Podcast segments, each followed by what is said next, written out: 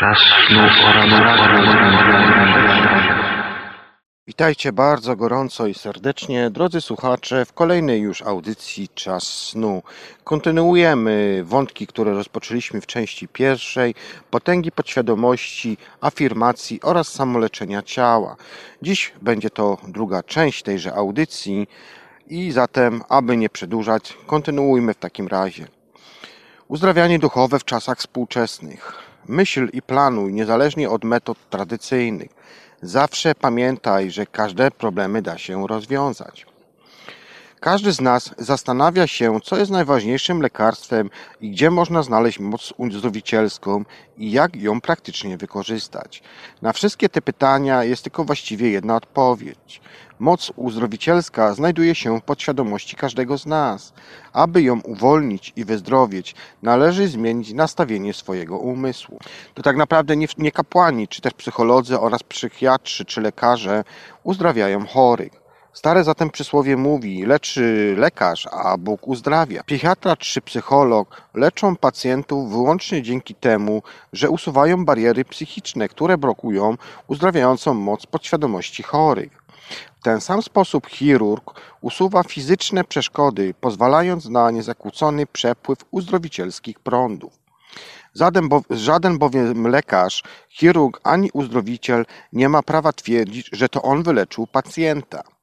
Istnieje tylko jedna moc uzdrowicielska, której ludzie nadal nadają rozmaite imiona. I to może być na przykład życie, Bóg, inteligencja stwórcza, natura, a wszystkie te nazwy odnoszą się do potęgi podświadomości. Jak zatem wiemy, istnieje wiele rozmaitych sposobów pokonywania barier umysłowych, emocjonalnych i fizycznych, które to hamują przepływ prądów i które to nas leczą i pobudzają w nas życie. Właściwie pokierowana uzdrowicielska moc wyleczy ciało i umysł z każdej choroby. Ta zasada uzdrowicielska działa u wszystkich ludzi bez względu na ich wyznanie, kolor skóry czy też pochodzenie.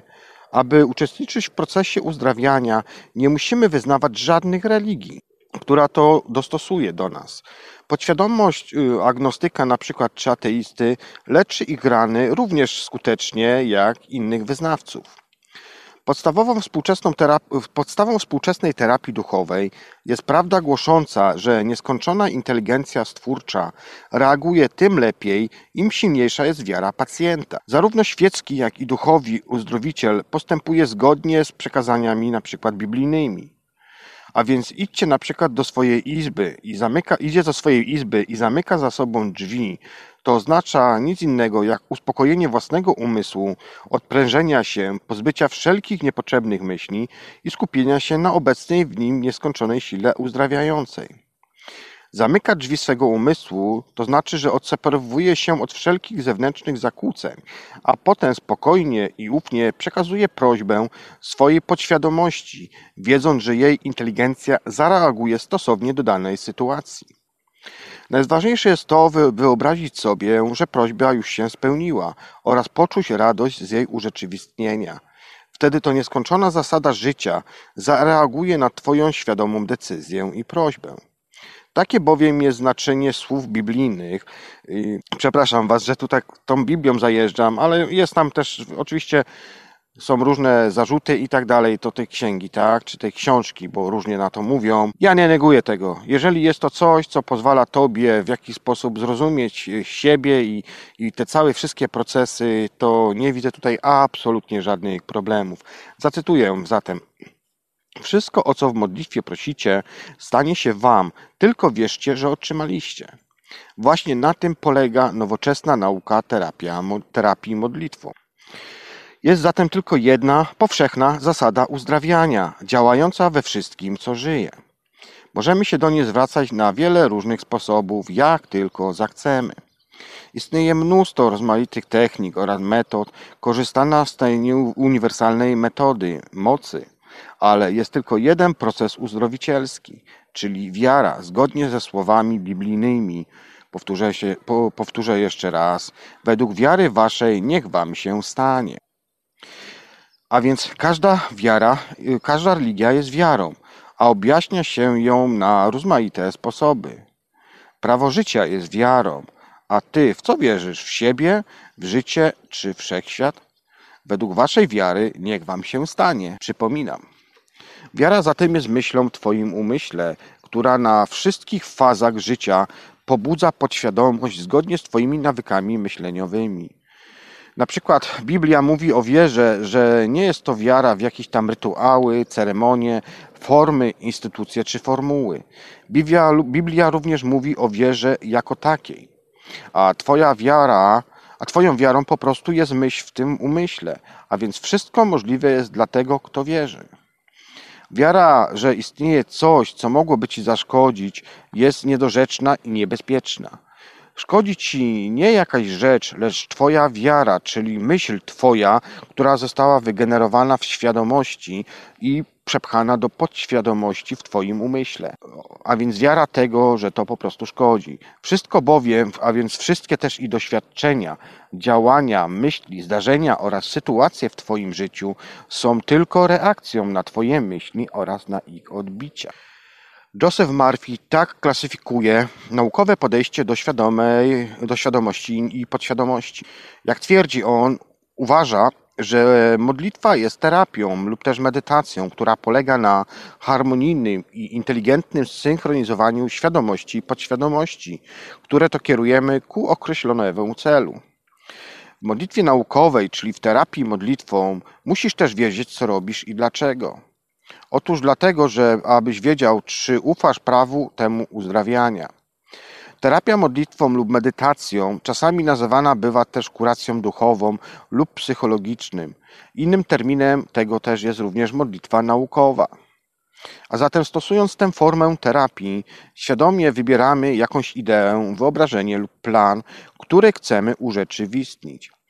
Realizacja pomysłu lub wyobrażenia staje się możliwa dzięki temu, że wpajasz je w podświadomości, odczuwając stan, jaki nastąpi po ich urzeczywistnieniu.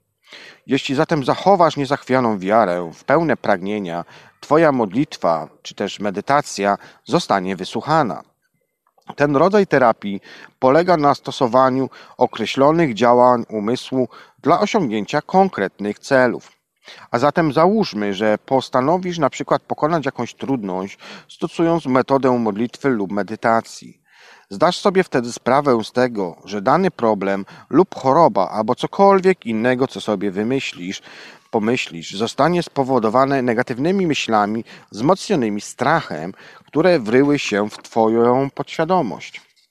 Więc wiesz również, że oczywi, oczywi, o, kiedy oczyścisz swój umysł z tych właśnie ponurych myśli, osiągniesz uzdrowienie. Na tym właśnie polega samo uzdrowienie. Zwróć się zatem do uzdrawiającej potęgi własnej podświadomości. Uzmysłów sobie, że potęga ta jest nieskończona, dzięki czemu możesz uleczyć wszelkie schorzenia. Pamiętając o tym, pozbędziesz się strachu oraz pokonasz wszelkie fałszywe wyobrażenia, które dręczą Twój umysł. Następnie podziękuj za uzdrowienie, którego niewątpliwie dostąpisz. Nie myśl o kłopotach, dopóki po jakimś czasie nie poczujesz potrzeby ponownej modlitwy lub medytacji. Dzięki właśnie temu nie pozwolisz na powrót negatywnych wyobrażeń, ani na zwątpienie oraz brak wiary. Takie nastawienie umysłu zapewnia połączenie świadomości i podświadomości w harmonijną całość, która to wyzwala cudowną moc uzdrowieńczą Twojej podświadomości. A zatem co to jest uzdrawianie wiarą i jak działa tak zwana ślepa wiara? Tak zwane uzdrawianie wiarą nie ma nic wspólnego z wiarą, o jakiej na przykład mówi Biblia. Biblijna wiara polega bowiem na tym, yy, na wiedzy o integracji zachowań pomiędzy świadomością a podświadomością. Uzdrawiacz, który, który, który leczy wiarą, nie ma natomiast prawdziwego naukowego zrozumienia nie ma, e, nie, ma, nie ma natomiast prawdziwego naukowego zrozumienia zaangażowanych sił. Twierdzi on zazwyczaj, że obdarzony jest on szczególnym darem uzdrawiania, ale ewentualny sukces jest możliwy wyłącznie dzięki ślepej wierze pacjenta w moc tego uzdrowiciela. Uzdrowiciele na całym świecie leczą pacjentów, stosując na przykład różne rytuały, recytacje, śpiewy, wzywania jakichś duchów, stosując różne tańce. Zdarzają się jednak też i uzdrowienia dzięki relikwiom oraz noszeniu jakichś na przykład rytualnych kamieni, strojów, paleniu świec, kadzideł oraz picie jakichś dziwnych, wy, wymyślonych naparów ziołowych. Wszystko, co sprawia, wszystko to sprawia, co sprawia, że pacjent całkowicie wierzy w skuteczność stosowanej wobec niego metody leczenia, wspomaga proces uzdrawiania. Więc nie neguję tego, że jest to niedobre. Kwestia tylko tych, no, jeżeli chodzi o picie tych substancji, no to tu bym raczej bardziej się sprawdzał, tak? Sprawdzał, co to właściwie jest. No bo możemy uwierzyć na przykład w to, że wypijemy, nie wiem, jakiś środek do czyszczenia kibla i możemy wierzyć, że nam to nie zaszkodzi. Ale czy on nam naprawdę nie zaszkodzi? No właśnie. Uzdrawiające jest także każde działanie, które uwalnia umysł pacjenta od strachu, a napełnia go wiarą i nadzieją. Wielu ludzi twierdzi, że skoro stosowana przez nich metoda uzdrawiania daje bardzo dobre wyniki, musi być ona właściwa. Choć oczywiście, jak to bywa w życiu, nie zawsze tak jest. Aby pokazać Wam, jak działa ślepa wiara, posłużę się kolejnym przykładem z książki, z książki Potęga podświadomości Josepha Marfiego. Y, mówi on o przypadku szwajcarskiego lekarza Franza Antona Mesmera.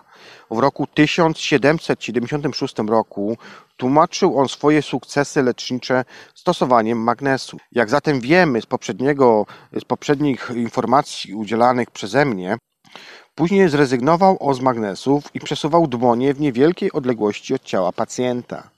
Aby wyjaśnić skuteczność tej nowej metody, stworzył on teorię magnetyzmu zwierzęcego. Twierdził, że jego dłonie przekazują chorym magnetyczny, magnetyczny fluid, który ich uzdrawia. Chorzy przybywali do niego tłumnie i notowano wiele cudownych uzdrowień. Kolejno Messner przeniósł się do Paryża. Tam stworzył specjalną komisję rządową, która składała się z wybitnych lekarzy oraz członków Akademii Nauk, wśród których na przykład znajdował się Benjamin Franklin. Komisja przeprowadziła dokładne badania i sporządziła raport potwierdzający dokonane przez Mesmera uzdrowienia. Uznano jednak, że nie ma żadnych konkretnych dowodów na to, że jego teoria dotycząca fluidu magnetycznego jest słuszna. Przyjęto zatem, że powodem uzdrowień jest właśnie wyobraźnia pacjentów. Wkrótce Mesmer został skazany na wygnanie z kraju. Zmarł w roku 1815. Wkrótce, wkrótce też potem angielski lekar dr James Brain z Manchesteru wykazał, że uzdrowienia dokonane przez Mesmera nie mają nic wspólnego z fluidem magnetycznym. Dr Braid odkrył, że, sugestie, że stosując sugestię można wprawić pacjentów w sen hipnotyczny. U pogrążonych wtedy w hipnotycznym transie osób wywoływane są zadziwiające zjawiska, które Mesmer przypisywał działaniu magnetyzmu zwierzęcego. Wszystkie te uzdrowienia niewątpliwie były spowodowane wpływem silnej sugestii na wyobraźnię i podświadomość pacjentów ponieważ w tamtym czasie ani pacjenci, ani uzdrowiciele nie wiedzieli, co powoduje takie uzdrowienie, można właśnie tu mówić wyłącznie o ślepej wierze. A więc tak to bywa. Umysł nie bywa zły. Żadna siła natury nie jest zła. To od ciebie zależy, jak się posłuży siłami natury. Posługuj się umysłem do błogosławienia, uzdrawiania i do twórczego inspirowania wszystkich ludzi w Twoim otoczeniu. Ludzkie ciało potrzebuje 11 miesięcy, aby odnowić swój budulec. Sprawdź sobie nowe ciało, zmieniając na stale sposób swojego myślenia.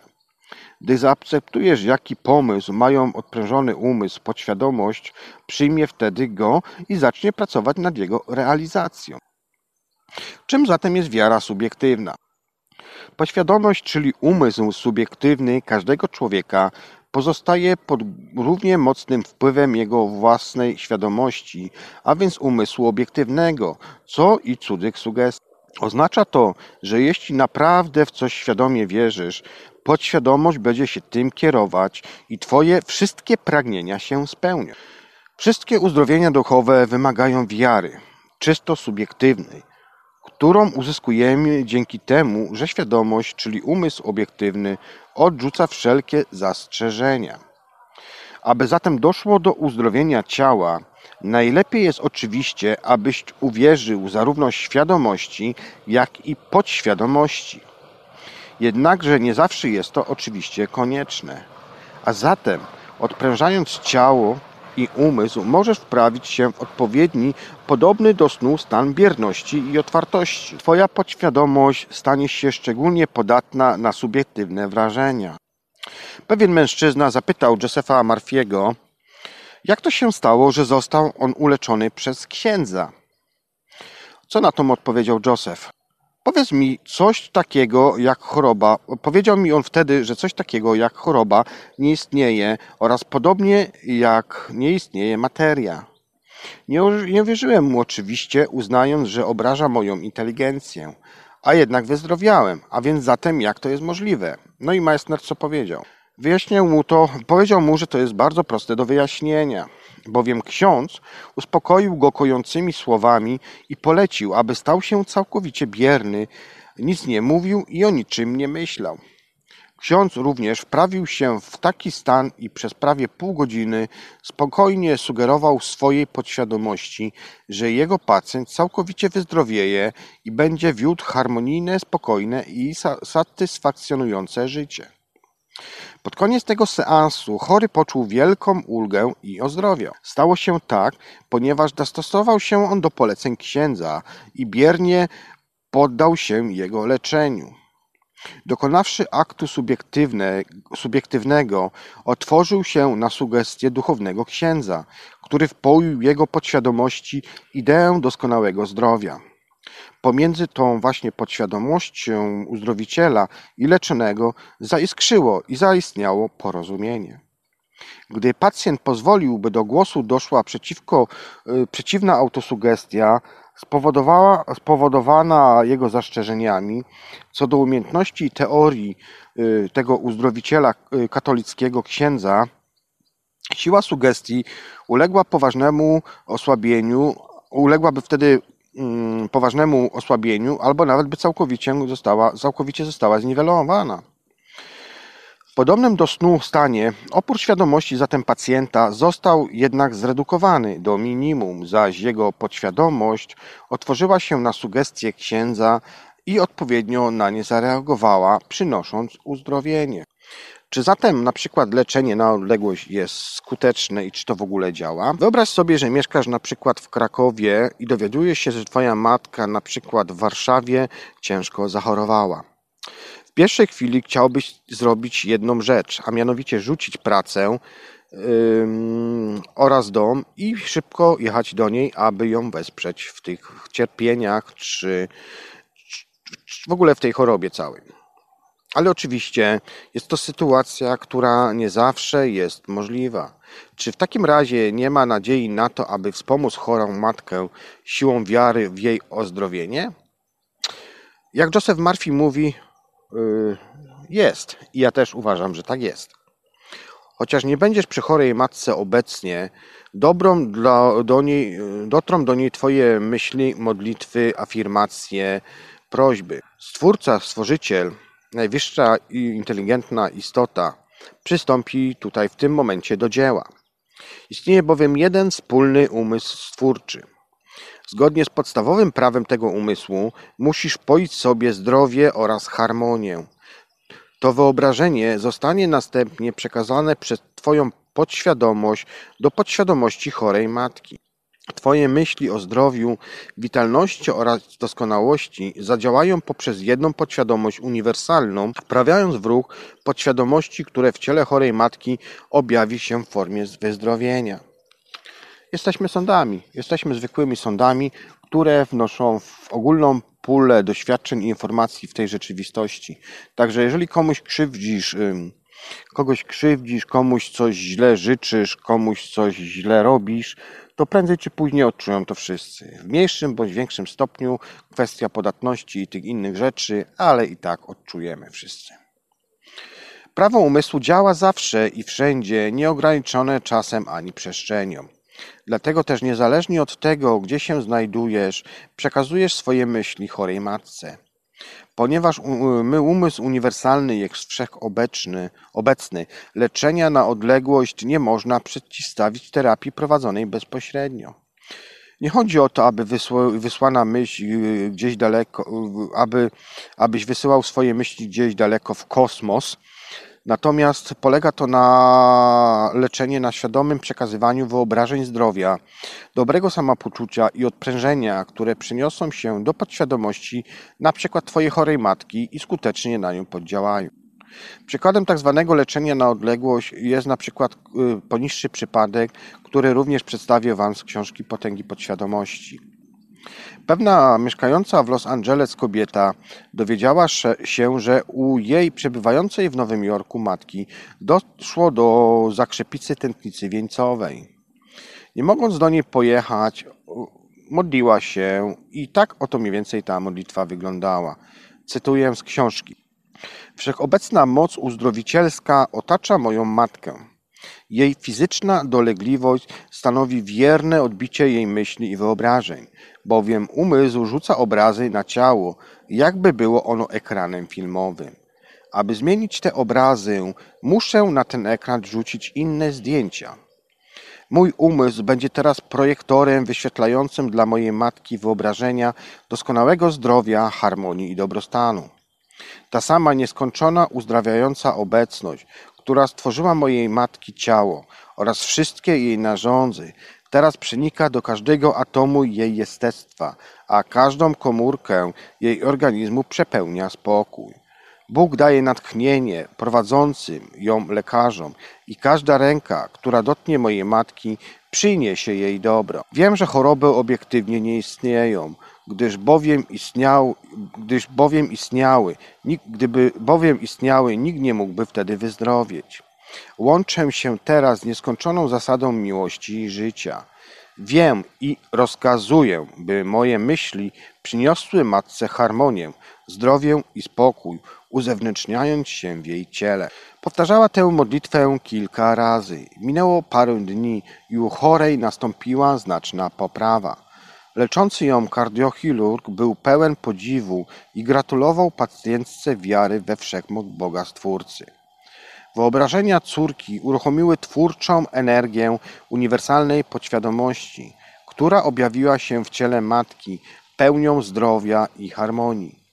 Uzdrowienie, która córka przed faktem uznała za urzeczywistnione, wkrótce również spełniło się u matki. Ja również takie rzeczy stosuję, własne afirmacje. Jest moja modlitwa, afirmacja bardzo podobna do tej.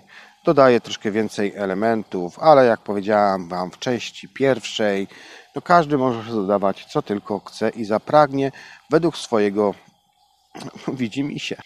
Kinetyczna działa, kinetyczne działanie podświadomości. Jak, jak relacjonuje pan Joseph Murphy, yy, wspomina on pewną panią psycholog, która opowiedziała mu, że zrobiono jej biopsję, która to wykazała obecność komórek rakowych w jednym z najważniejszych narządów.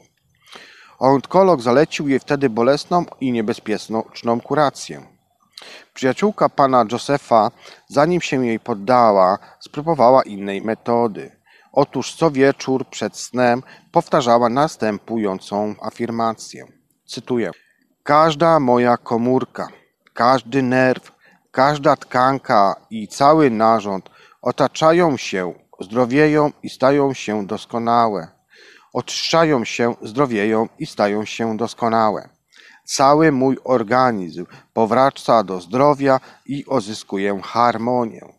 Jestem okazem zdrowia. Koniec cytatu.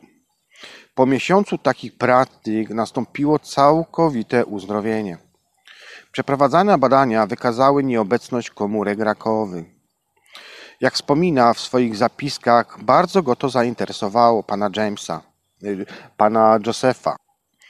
Dopytywałem się wtedy, dlaczego powtarzała afirmacje właśnie przed snem.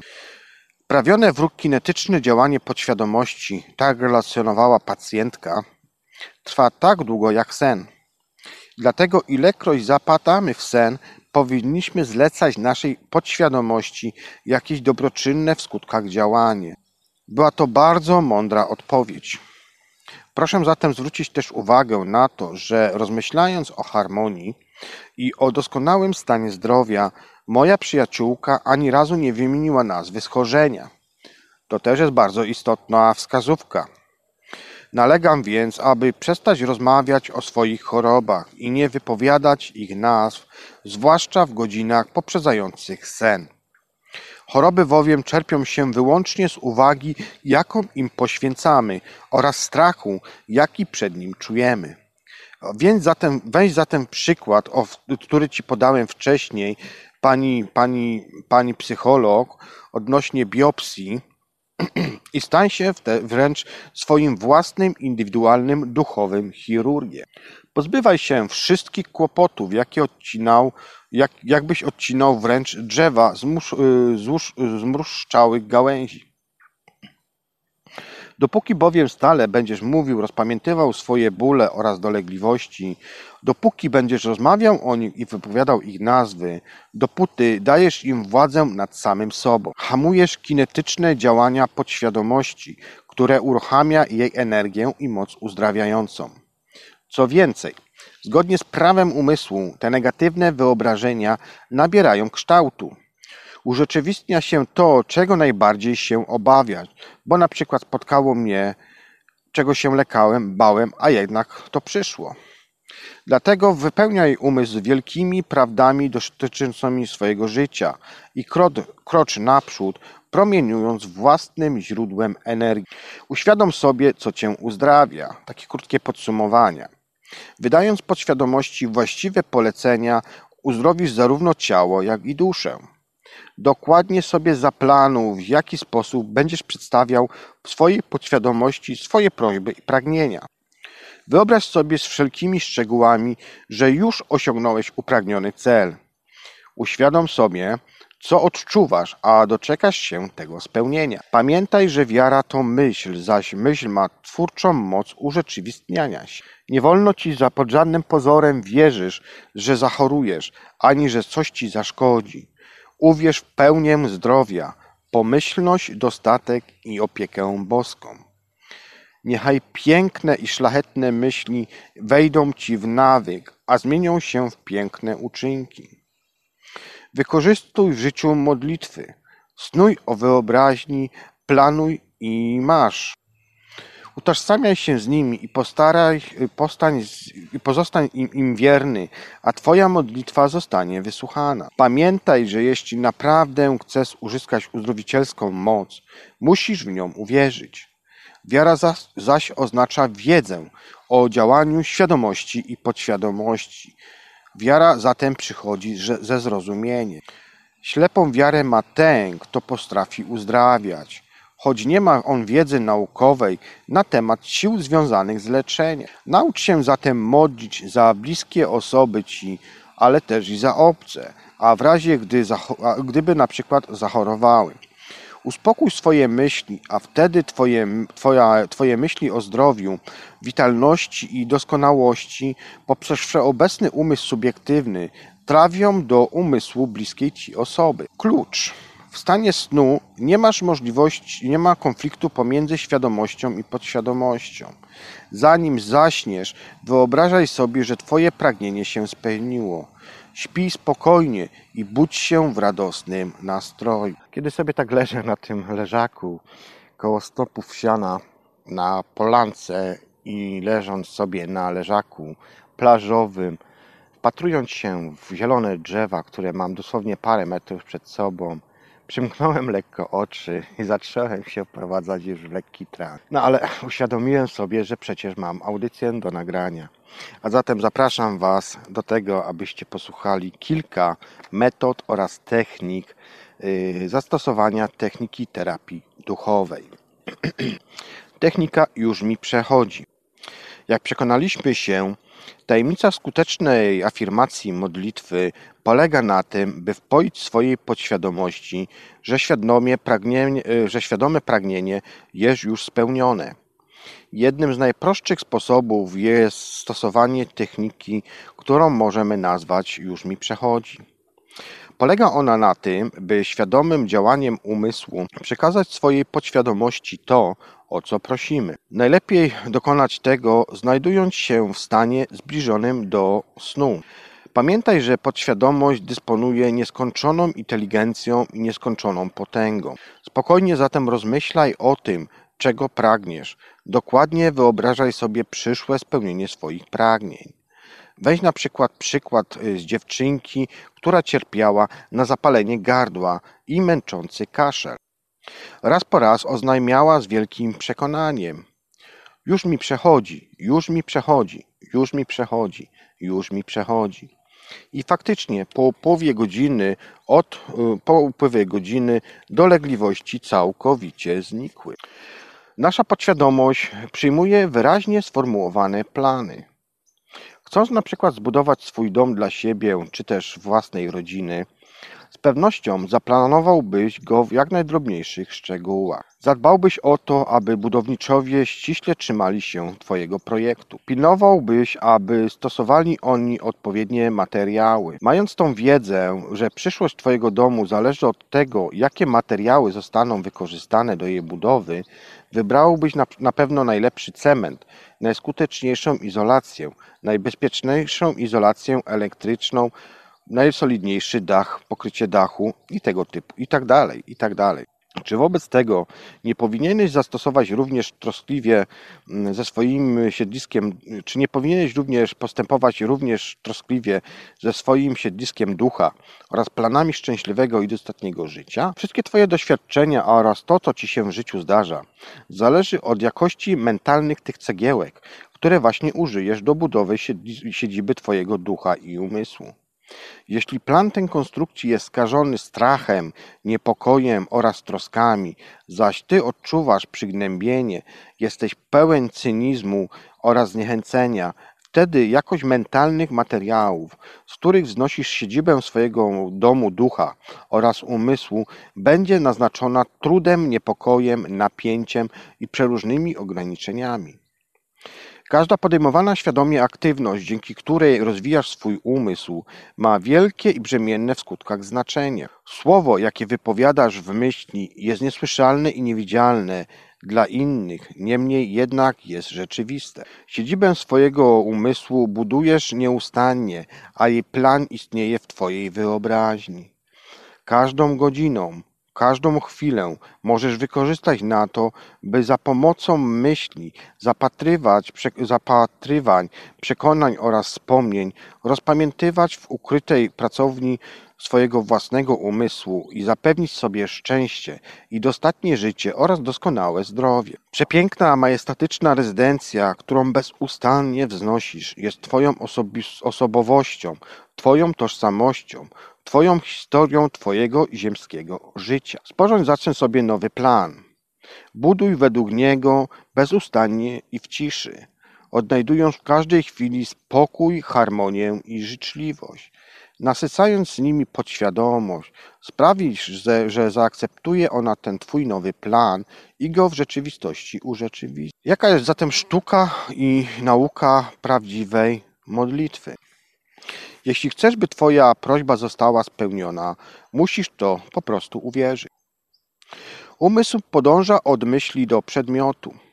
Bez gotowego wyobrażenia umysłu nie podejmie żadnych działań, gdyż nie będzie miał ku czemu zmierzać. Przedmiot Twojej modlitwy, która jest działaniem umysłu, musi najpierw zostać wyobrażony i przyjęty, a dopiero wtedy potęga Twojej podświadomości może się nim zająć i doprowadzić do jego urzeczywistnienia. Twój umysł musi więc osiągnąć stan bezwarunkowej i całkowitej gotowości. Taki bowiem kontemplacyjny stan musi iść w parze z odczuwaniem radości i spokoju, które rodzą się w oczekiwaniu na niewątpliwe spełnienie pragnień.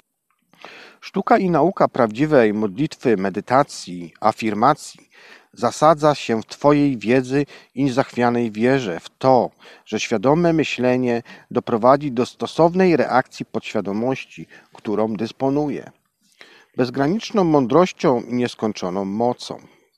Jeśli zatem będziesz postępował zgodnie z opisaną metodą, Twoje modlitwy zostaną wysłuchane. Wynikiem niespełnionych pragnień jest rozgoryczenie. Zatem pamiętaj, że rozmyślając o przeszkodach, ograniczeniach czy też trudnościach, działasz na swoją niekorzyść, gdyż zniechęcasz, a właściwie nie to, że nie zniechęcasz, ale jakby dajesz impuls, czyli jednym słowem zachęcasz swoją podświadomość, by reagowała zgodnie z Twymi myślami. Odpowiednio steruj myślami, wtedy stajesz się okazem zdrowia, człowiekiem szczęśliwym i zaczniesz odnosić sukcesy. Pamiętaj, że dzięki wiedzy o działaniu Twojego umysłu łatwo osiągniesz swoje cele. Metoda wizualizacja, nieraz o niej wspominałem, ale krótko jeszcze tutaj wspomnę. Najłatwiejszym i najskuteczniejszym sposobem sformułowania jakiegoś zamysłu jest jego wizualizacja, czyli przedstawienie go sobie tak obrazowo, jakby już istniał w rzeczywistości. Nasz wzrok dostrzega tylko to, co zaistniało w widzialnym świecie. Podobna rzecz jest z umysłem, który widzi tylko to, co istnieje w niewidzialnym królestwie domu Twojego ducha. Każdy obraz, jaki nosisz w umyśle, stanowi substancję rzeczy upragnionych i jest świadectwem istnienia rzeczy niewidzialnych. Wytwory wyobraźni są również rzeczywiste, jak dowolna część Twego ciała. Zatem idea oraz myśl istnieją naprawdę i jeśli pozostaniesz wierny swojemu temu wyobrażeniu, pewnego dnia zaistnieje ona w świecie widzialnym. Proces ten jest oczywiście różny. Raz jest to tydzień, dwa tygodnie, miesiąc, dwa, trzy. Naprawdę jest to różne, więc nie będę Wam tu po prostu podawał w jaki sposób, w jak szybko realizuje się i materializują Wasze myśli. Proces myśleniowy tworzy i pozostawia w umyśle pewne wyobrażenia, które przejawiają się w Twoim życiu w postaci wydarzeń oraz doświadczeń. Architekci wizualizują sobie na przykład domy, jakie mają zaprojektować lub korzystają z jakichś programów komputerowych i tego typu rzeczy zanim jeszcze go wybudują. Dokładne wyobrażanie sobie gotowego budynku, dokładnie sobie wyobrażają ten właśnie gotowy budynek poprzez właśnie te różne metody. Ich wyobraźnia oraz procesy myśle, myśleniowe stają się czymś na kształt form odlewniczych dla budowli które mogą być piękne lub też paskudne, które mogą sięgać do nieba lub też być parterowe. Bez względu jednak na swoją urodę bierze ona początek wizualizacji. Następnie ta wizja zostaje uwidoczniona na papierze w postaci szkicu. W końcu wykonawca i robotnicy sprowadzają potrzebne materiały i rozpoczyna się budowanie, które trwa tak długo, aż powstanie gotowy budynek całkowicie zgodny z wyobrażeniem architekta. Jak James, jak Joseph Murphy mówi, Yy, przytacza tu przykład takiego pewnego, pewne, przytacza przykład po prostu, jak to u niego wygląda.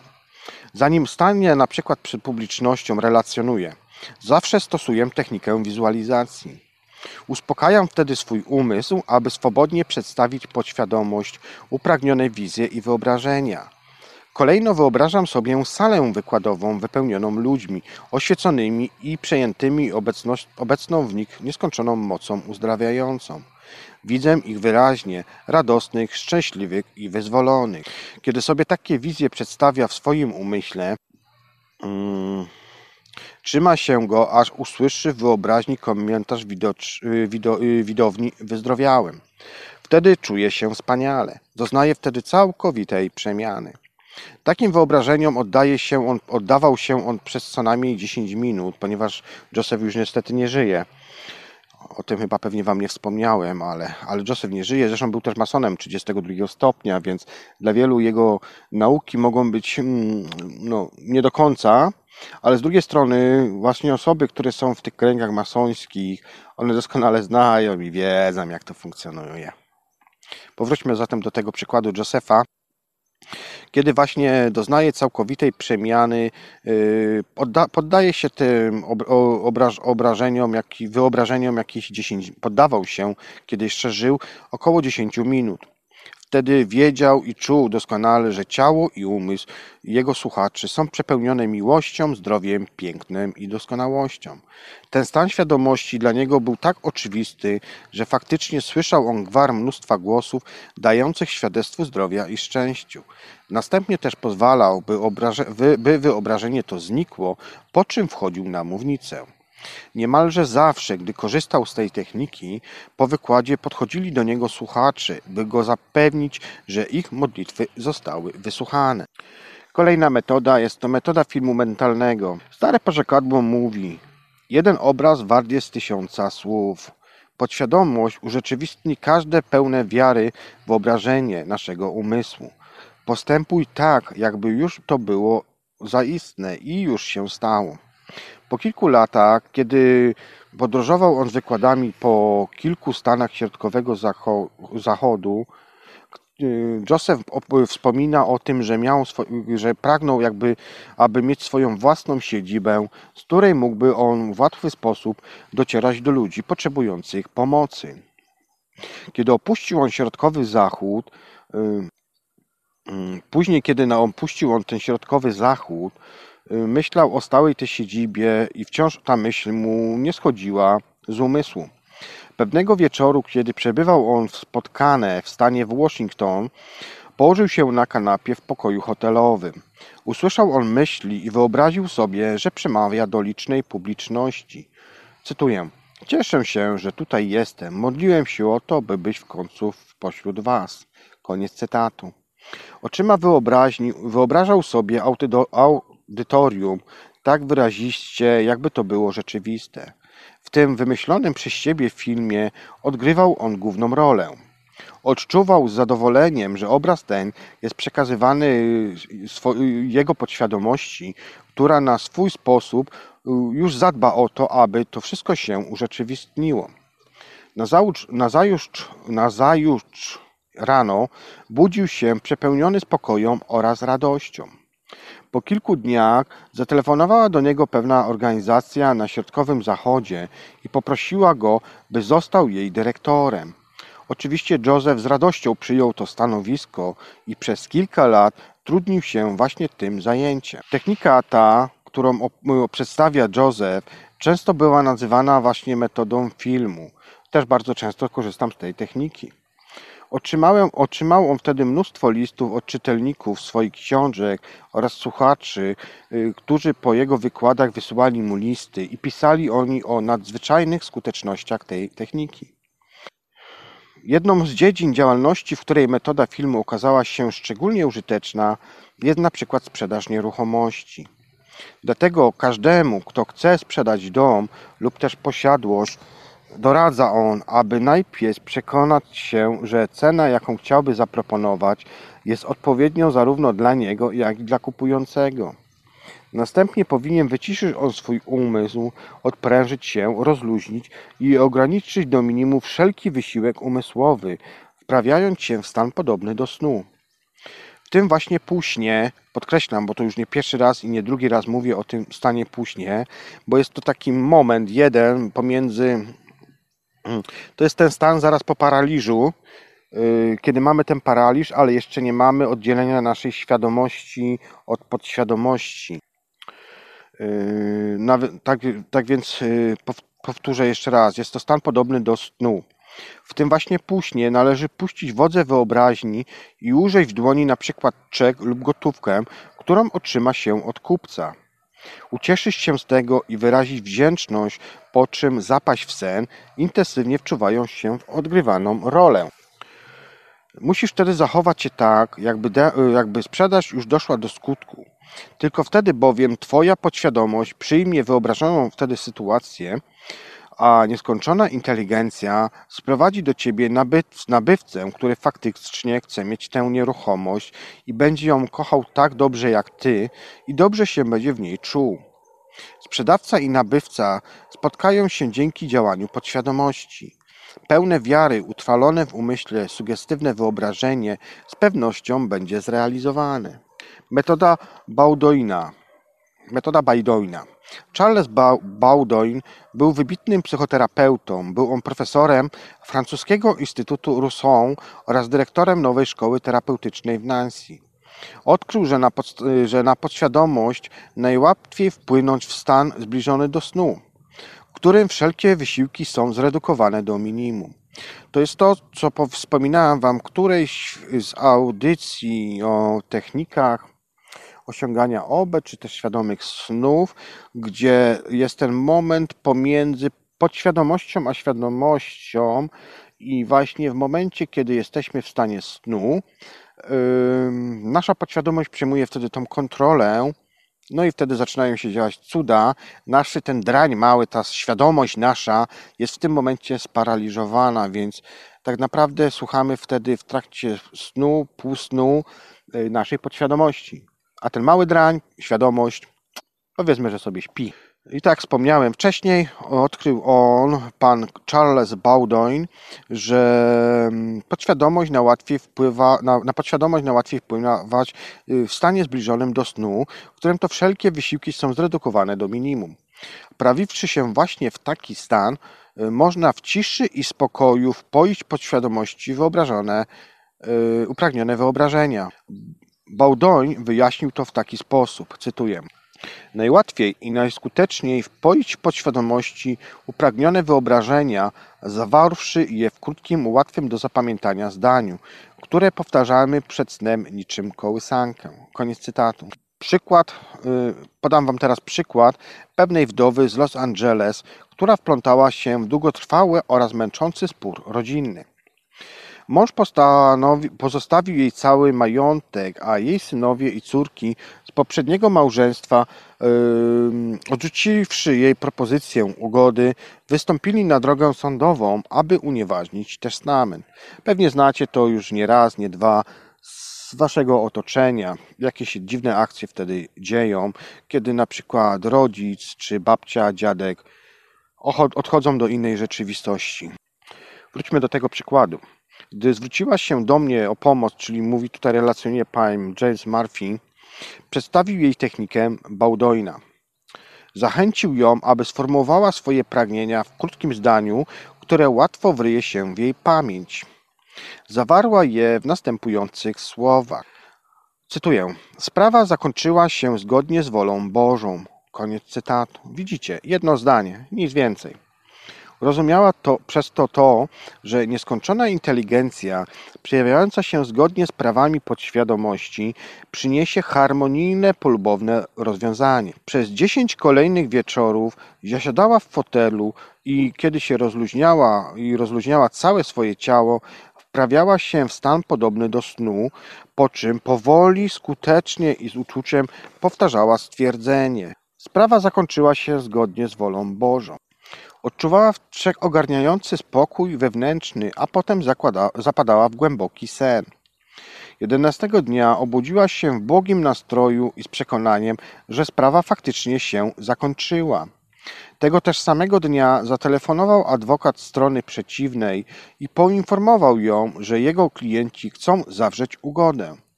Niebawem też wycofali sprawę z sądu i załatwili ją polubownie. Także widzicie, moc jest niesamowita naszej potęgi podświadomości. Przejdźmy do kolejnej techniki, techniki półsnu. W stanie podobnym do snu wszelki wysiłek jest ograniczony do minimum. Świadomość jest wtedy prawie zupełnie uśpiona. Tuż zatem przed zaśnięciem i zaraz po przebudzeniu podświadomość jest najbardziej aktywna. W tym właśnie stanie nieobecne są negatywne myśli, które mogłyby zneutralizować pragnienia i przeszkodzić przyjęciu ich przez podświadomość. Zatem przypuśćmy, że chcesz na przykład wyrwać się ze szponów jakiegoś nałogu, na przykład spalenia.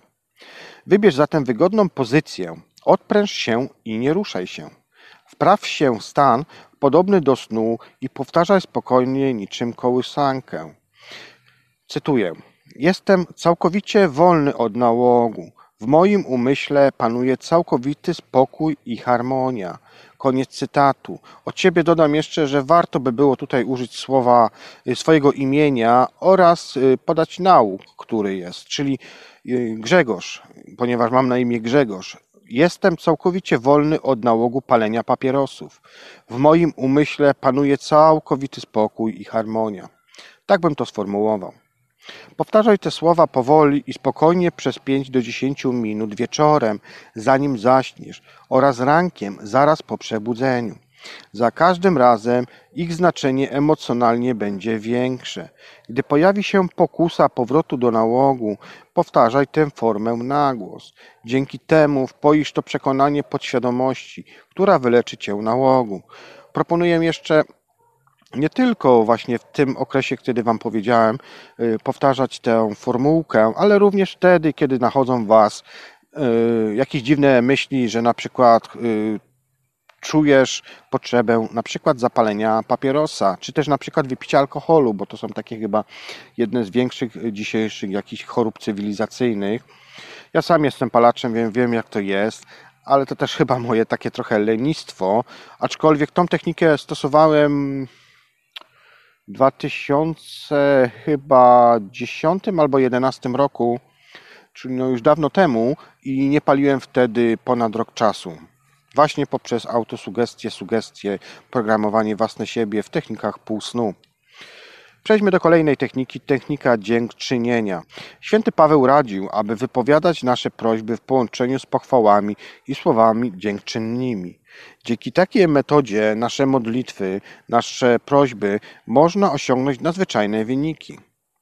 Serce przepełnione jest wdzięcznością, jest zawsze otwarte na twórcze moce wszechświata, co sprawia, że zgodnie z prawem wzajemnych relacji opartych na kosmicznym prawie akcji i reakcji wpływają na nie różne, różne y, dobrodziejstwa. Na przykład pewna osoba, matka, powiedziała na przykład, opowiedziała y, Josephowi o swoich y, doświadczeniach związanych z techniką dziękczynienia.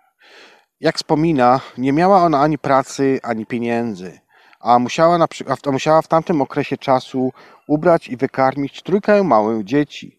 Nie wiedziała dokąd się zwrócić i wtedy też usłyszała właśnie o tej technice y, dziękczynienia, dzięki wykładom, jakie przeprowadzał Joseph. Y, kiedy poszła na taki wykład, doznała nagłego olśnienia i wiedziała, że musi wtedy spróbować. Przez trzy tygodnie każdego wieczorka oraz rana powtarzała następujące słowa. Jedno zdanie, cytuję. Dzięki Ci Ojcze za moje bogactwo. Dzięki Ci Ojcze za moje bogactwo. Dzięki Ci Ojcze za moje bogactwo. Powtórzyłem to trzy razy, ale jest to oczywiście jedna afirmacja. Koniec cytatu. Wypowiadała je spokojnie, w stanie odprężenia, aż poczuła przepełniającą ją wdzięczność. Wyobrażała sobie, że zwraca się do nieskończonej potęgi inteligencji, chociaż dobrze wiedziała, że wymykają się one postrzeganiu zmysłowemu. Oczami duszy dostrzegła wyobrażenie dobrobytu, wierząc, że ta wizja spowoduje pożądane skutki i zapewni jej pracę, pieniądze i pożywienie. Jej myślenie i odczuwanie skupiało się na dostatku. Powtarzając zatem słowa dzięki Ci Ojcze, odczuwała poprawę nastroju, ufność i wiarę. Ilekroć powtarzała myśli o niedostatku, biedzie czy też troskach, natychmiast zaczęła mówić dzięki Ci Ojcze. Wiedziała, że jeśli zachowa pełną wdzięczną podstawę, jej umysł przywyknie do idei bogactwa i tak właśnie się stało. Wkrótce, wkrótce spotkała na ulicy dawnego pracodawcę, którego nie widziała od pięciu lat, a on zaproponował jej dobrze płatne zajęcie. Aby miała się z czego, mm, aby miała z czego przeżyć w tym pierwszym okresie, do pierwszej swojej wypłaty, dał jej w zaufaniu zaliczkę. Nigdy nie zapomnę y, zdumiewającej potęgi słów dzięki Ci Ojcze. Tak relacjonowała w liście, który napisała do Josefa. Zdziałała ona wtedy dla mnie potężne cuda. Metoda afirmacji. Skuteczność afirmacji w dużej mierze zasadza się w następującej prawdzie. Modląc się, nie stosuj daremnych powtórzeń. Siła zatem afirmacji y, polega na trafnym użyciu ściśle określonych pozytywnych twierdzeń. Przypuśćmy zatem, że uczeń y, dodający 3 do 3 napisał na przykład na tablicy 7. Jak zapewne wiecie, nauczyciel stwierdzi autorytatywnie, że wynik wynosi 6, więc dziecko odpowiednio zmieniło liczbę. Ale to nie jest stwierdzenie, ale to nie stwierdzenie nauczyciela sprawiło, że 3 plus 3 równa się 6. Nauczyciel tylko wygłosił już istniejącą matematyczną prawdę. Podobnie jest również i w życiu. Choroba jest stanem nienormalnym, za stan normalny to zdrowie. Zdrowie jest prawdą naszego jestestwa. Afirmując zatem zdrowie, harmonię oraz spokój oraz uznając je za uniwersalne zasady bytu, korygujesz negatywne wzorce zachowań podświadomości, bazujące na Twoich myślnych, mylnych przekonaniach oraz poglądach. Powodzenie metody afirmacji zależy od tego, czy modlący się człowiek, nie bacząc na pozorny, podporządkowuje się zasadom życia. Istnieje przecież, istnieją bowiem prawa matematyki, a nie prawa błędu. Istnieje zasada prawdy, a nie zasada nieuczciwości. Istnieje prawa, istnieją zatem prawa, które dotyczą zdolności pojmowania, a nie ignorancji. Istnieją prawa harmonii, a nie prawa dysonansu. Tak samo istnieje zasada zdrowia, a nie ma prawa choroby, oraz działa prawo bogactwa, a nie ma prawa biedy. James wspomina tutaj o tej metodzie, kiedy zastosował ją, gdy jego siostra czekała na operację pęcherzyka żółciowego w szpitalu w Anglii.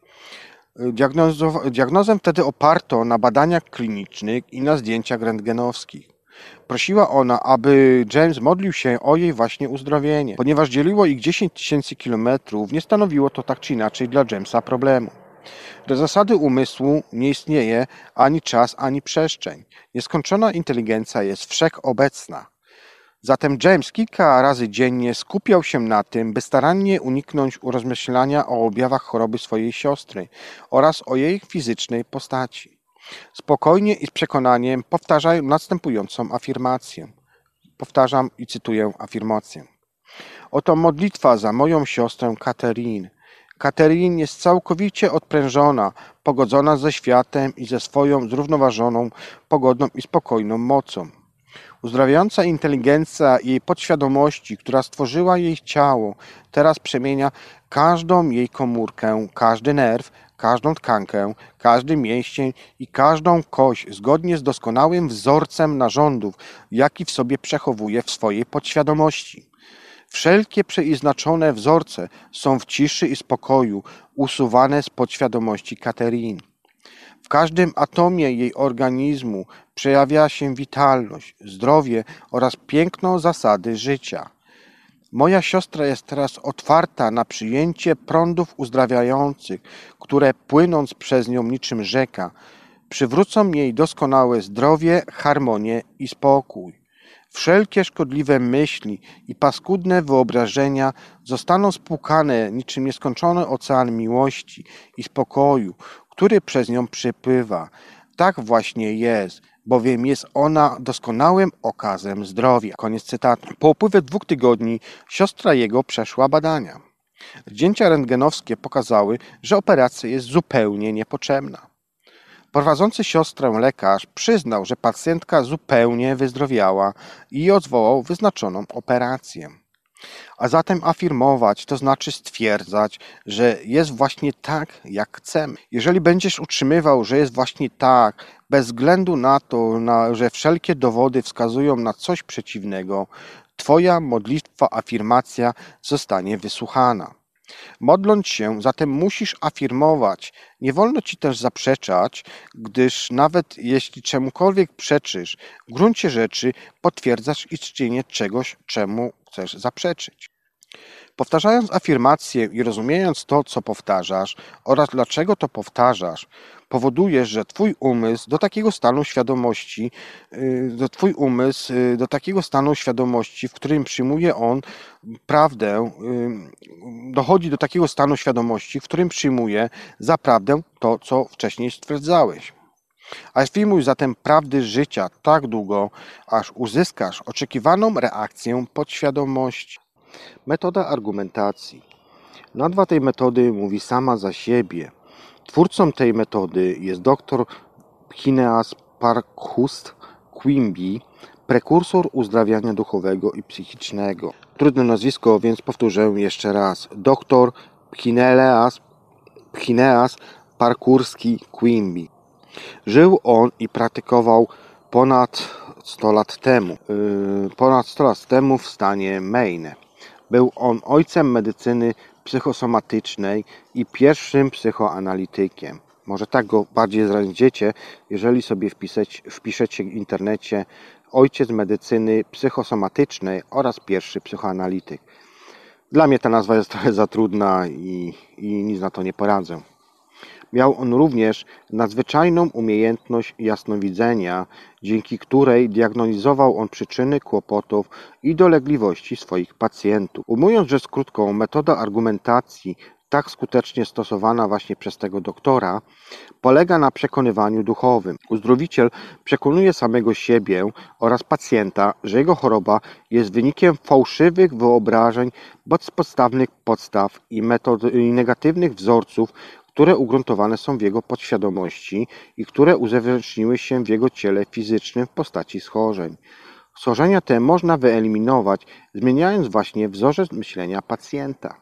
Ja robię to tak, że afirmuję sobie to mniej więcej w taki sposób. Zwracam się do mojej najwyższej inteligentnej istoty, do najwyższego wszechobecniającej energii, o, o, skasowanie i anulowanie programów, złych programów tkwiących w moim umyśle. Zwracam się o to, aby podjęła moja podświadomość wszelkie, wszelkie Y, sposoby na to, aby wyeliminować te wszystkie złe wzorce oraz programy i zastąpiła je y, wzorcami prawidłowymi, które były już w trakcie, kiedy przychodziłem do tej rzeczywistości. A więc, aby sięgnęła do wzorców zapisanych w duszy mojej, w, w duszy mojej, y, które miałem jeszcze zanim wstępowałem w tę rzeczywistość. Niech tak się stanie, bo taka jest moja wolna i niewymuszona wola. Taką mniej więcej afirmację stosuję. Powiedziałem Wam to oczywiście na sucho teraz, bo nie zapisuję sobie tego. Zawsze za każdym razem coś tam dodaję, coś tam zmieniam, bo różnie to bywa. Ale mniej więcej tak ta afirmacja właśnie w moim przypadku wygląda. Uzdrowiciel wyjaśnia choremu, że podstawą wszelkiego leczenia jest zmiana nawyków myśleniowych. Muszę sobie kabelek przesunąć, bo mi się zaraz znowu coś zrobi i mi urwie, ponieważ musiałem troszkę zmienić y, pozycję i chyba jednak powrócę do tej starej pozycji. Także przepraszam Was za takie troszkę off-topiki, ale troszkę mnie zad bolał, jak siedziałem w jednej pozycji przez godzinę i musiałem ją zmienić. Wróćmy zatem jeszcze raz do tego, co Wam mówiłem. A więc uzdrowiciel wyjaśnia choremu, że podstawą wszelkiego jego leczenia są zmiany nawyków myśleniowych.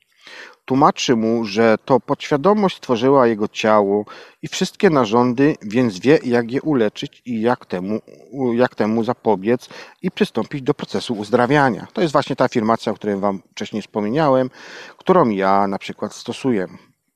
Uzdrowiciel na podobieństwo adwokata przed ławą sędziowską argumentuje, że, jest, że schorzenie jest niczym więcej jak tylko ciemną, skażoną chorobą świata wyobraźni. Musi przedstawić wszelkie dostępne dowody na to, że istnieje uzdrowicielska moc, która stworzywszy wszelkie narządy, zna doskonale wrzodzec, wzór każdej Twojej komórki, każdego Twojego nerwu i każdej Twojej tkanki. Następnie też uzdrowiciel wydaje werdykt na korzyść swoją i swojego pacjenta. Dzięki wierze oraz duchowemu porozumieniu uwalnia on u chorego od zarzutu jego dolegliwości. Dowody uzdrowiciela są przytłaczające, ponieważ istnieje tylko jeden powszechny, wspólny wszystkim ludziom umysł. Niezachwiana wiara oraz pewność uzdrowiciela udzielą się zatem pacjentowi i nawet nastąpi wtedy jego cudotwórcze uzdrowienie. Kolejna metoda, metoda absolutna. Tę formę terapii modlitwą stosuje się z doskonałym skutkiem y, już na całym świecie i stosuje tego bardzo dużo ludzi. Osoba posługująca się tą metodą wypowiada imię i nazwisko pacjenta. Następnie w milczeniu rozmyśla o Stwórcy inteligencji wszechwiedzącej, o jego zaletach i atrybutach, o Bogu. Na przykład Bóg jest błogostanem, nieograniczoną miłością, nieskończoną inteligencją, wszechmocą, bezgraniczną mądrością, absolutną harmonią, nieopisanym pięknem i doskonałością. Podczas gdy w ciszy oddaje się takim właśnie rozmyślaniom, jego świadomość wznosi się na wyższy poziom duchowy. Czuje, że potęga i miłość Boga jest skupiana właśnie na jego pacjencie. Wszystko, co, co uciążliwe oraz drażniące, znika z obecności nieskończonego oceanu życia i miłości. Metodę absolutną można porównać do najnowszych osiągnięć terapii ultradźwiękami, której działanie, y, które działanie zostało objaśnione na, przez pewnego y, wybitnego lekarza z Los Angeles. Posługiwał się on urządzeniem wytwarzającym silne fale akustyczne o niezwykle wysokiej częstotliwości. Kiedy skierował, kiedy skierował te fale na część ciała, której na przykład występowały nieformalne tkanki dotknięte chorobą, komórki zaczynały rezonować i reagować na ultradźwięki. Im wyższy jest poziom, na który wzniesie się nasza podświadomość dzięki komplementacji zalet i atrybutów Boga, tym skuteczniejsze są wytwarzane przez nas fale harmonii, zdrowia i spokoju. Innym, słowie, innym słowem, odpowiedniej wibracji. Ten zaś, na kim te fale się skupią, rezonuje i na nie reaguje. Dzięki stosowaniu właśnie tej techniki, metody absolutnej, dokonano bardzo wiele skutecznych uzdrowień. Przykład. Przykład zastosowany, podany przez Josepha Marfiego w książce Potęga Świadomości. Dr Quimby w swoich latach swojej działalności często właśnie stosował metodę absolutną. W jednym z jego z rękopisów można wyczytać, jak wyleczył kaleką kobietę. Wezwany on został do pewnej przykutej do łóżka kulawej staruszki. Doktor Quimby uznał jej chorobę za skutek bardzo ciasno rozumianej wiary, która uwięziła i ścisnęła jej ciało niczym w grobie, tak że kobieta nie mogła ani się podnieść, ani chodzić. Żyła ona w nieustannym strachu i w nieświadomości. Jej stan był wynikiem zbyt dosłownego rozumienia Pisma Świętego, które ją przerażało i w które bardzo, bardzo wierzyła. Jak pisał on swoich, y, w swoich rękopisach, obecność i potęga Boga usiłowały rozerwać wręcz krępujące więzi i uwolnić ją z tego grobu. Każdy fragment Biblii, o którego wyjaśnienie prosiła innych, stawał się przygnębiającym ją kamieniem, a przecież ona pragnęła żyć. Dr Quimby zdiagnozował jej stan jako zamroczenie umysłu, które było spowodowane podnieceniem i strachem, które wynikały z niezdolności zrozumienia odczytania fragmentów Biblii. Taki właśnie stan umysłu przejawiał się z ociężałością i ospałością fizyczną, które to doprowadziły do paraliżu. Dr Quimby zapytał wtedy więc pacjentkę, jak rozumie na przykład następujący wers Biblii. Cytuję. Jezus rzekł, jeszcze, krótko, jeszcze krótki czas jestem z wami, a potem pójdę do tego, który mnie posłał. Będziecie mnie szukać, a nie znajdziecie, a tam, gdzie ja będę potem, wy pójść nie możecie. Koniec cytatu. Kobieta odparła, że słowa te oznaczają, że Jezus wstąpił do nieba. Natomiast dr Queen wyjaśnił jej te słowa, iż Jezus będzie jeszcze krótki czas. Yy, czas yy, oznaczają to, że sprowadzają się do tego, że lekarz, że to on, lekarz, poświęcił chwilę jej objawom, uczuciom oraz im przyczynom. Spunczując jej, nie można jednak dłużej trwać w tym stanie. Dlatego też kolejnym krokiem, jaki, y, jaki podjął tutaj doktor, y, będzie pójście do tego, który mnie posłał, czyli co oznaczało według jego rozumowania i logiki drzemiącą w każdym człowieku moc Boga. Quimby szybko uzmysłowił y, sobie ideał Boga i ją kontemplował, oddziaływując na chorą staruszkę witalnością, mądrością, harmonią i potęgą Bożą. Po czym powiedział jej, cytuję, tam, gdzie jestem, tam, gdzie jestem, pani przyjść nie może, ponieważ jest pani skrępowana swoją źle pojętą wiarą, zaś ja jestem zdrowy. Koniec cytatu. Modlitwa i słowa, które wyjaśni, wywołały natychmiastową reakcję w umyśle chorej kobiety i nastąpiła natychmiastowa zmiana. Wstała i zaczęła chodzić bez kul. Quimby zatem uznał to za jeden ze swoich największych sukcesów uzdrowicielskich. Kobieta, która żyła w śmiertelnym strachu spowodowanym błędnym rozumowaniem. Y, kiedy, zaczęło, kiedy objawił jej ten doktor prawdy, prawdę, y, stało się to dla niej wręcz zmartwychwstanie. Quimby zacytował słowa o zmartwychwstaniu Chrystusa i zastosował je do jej sytuacji. Dlatego wywołał też potężny skutek. Wyjaśnił pacjentce, że prawda stała się dla niej biblijnym aniołem, który odsunął ją, uciskając niczym kamień, nagrobny ciężarem strachu, niewiedzy i przesądów. Dzięki temu podziałała na nią wtedy podziałała na nią uzdrawiająca moc stwórcza, która przywróciła ją do normalnego funkcjonowania w życiu. Ostatnia metoda, którą Wam przedstawiam, Metod jest dużo, naprawdę dużo, ale to są tylko przykłady dla tej właśnie audycji, więc zachęcam Was do przeczytania książki. Tam macie dużo, dużo, dużo więcej. Josepha Marfiego Potęga podświadomości. Metoda postanowień. Siła słów, które wypowiadamy, bierze się z naszych uczuć oraz wiary. Gdy sobie uświadomimy, że potęga, która porusza świat, działa na naszą korzyść i nadaje moc naszym słowom, staniemy się bardziej ufni i nabierzemy pewności siebie. Nie będziemy wtedy musieli stosować duchowej przemocy. Pewna kobieta zastosowała metodę postanowień wobec młodego mężczyzny, który bezustannie nękał ją telefonami, aby wymusić spotkanie. W żaden sposób nie mogła się go pozbyć. Gdy zaczął jej się narzucać w miejscu pracy, uznała, że natychmiast musi z tym skończyć. Kilka zatem razy dziennie wprawiała się w stan wyciszenia, w stan zbliżony do snu i wymawiała w myślach następującą afirmację. Cytuję. Uwalniam JR i powierzam go opiece boskiej. Jestem wolna i on jest wolny. Moje słowa trafią do nieskończonego umysłu, który je urzeczywistni. Tak właśnie jest, bo tak właśnie chcę. Koniec cytatu. Młody człowiek wkrótce zniknął z jej życia. Nigdy więcej go już nie zobaczyła. Zupełnie y, zapadł się pod ziemię. Tak relacjonowała bohaterka. Krótkie podsumowanie. Zostań zatem architektem swojego umysłu i ulepsz swoje życie stosując sprawdzone techniki. Twoje pragnienie jest modlitwą, a zatem wyobraź sobie i uwierz, że już się spełniło, a Twoja modlitwa zostanie wysłuchana. Pamiętaj, że dzięki wiedzy o działaniu umysłu łatwo osiągniesz swe cele. Odpowiednio steruj myślami, staniesz się okazem zdrowia, człowiekiem szczęśliwym oraz zaczniesz odnosić sukcesy.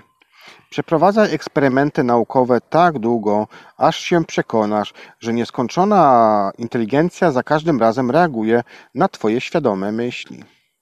Oczekuj spełnienia pragnień z radością i pełnią spokoju pewnością. To wszystko, na co z nadzieją czekasz, powstaje w wyobraźni, rodząc się w Twoim umyśle, które są świadectwem istnienia tego, co niewidzialne. Jedno wyobrażenie jest warte niż więcej słów. Podświadomość urzeczywistni każdy obraz, który zrodzi się przepełnionym wiarą umyśle. Podczas modlitwy nie wysilaj umysłu i nie staraj się niczego wymuszać. Zapadaj w stan zbliżony do snu i zasypiaj kołysany pewnością, że Twoja modlitwa zostanie wysłuchana. Pamiętaj, że serce przepełnione wdzięcznością jest otwarte na dobrodziejstwa wszechświata. Afirmacja polega na twierdzeniu, że coś jest właśnie takie, chociaż wszystkie dowody temu przeczą. Jeśli będziesz zatem obstawał przy swoim, Twoja modlitwa zostanie wysłuchana. Wytwarzaj fale harmonii, zdrowia i spokoju, odpowiednie wibracje, rozmyślając o miłości oraz o chwale Bożej. Urzeczywistni się to, co postanowisz i uznasz już za zrealizowane. Wybieraj za to harmonię, zdrowie, spokój i dostatek. Kluczem jest to, że jeśli zwątpisz w afirmację, zneutralizujesz dobrą, które ona niesie i stanie się zło. Podświadomość stworzyła Twoje ciało i pracuje dla niego 24 godziny na dobę. Myśląc negatywnie, zakłócasz jej życiodajne działanie.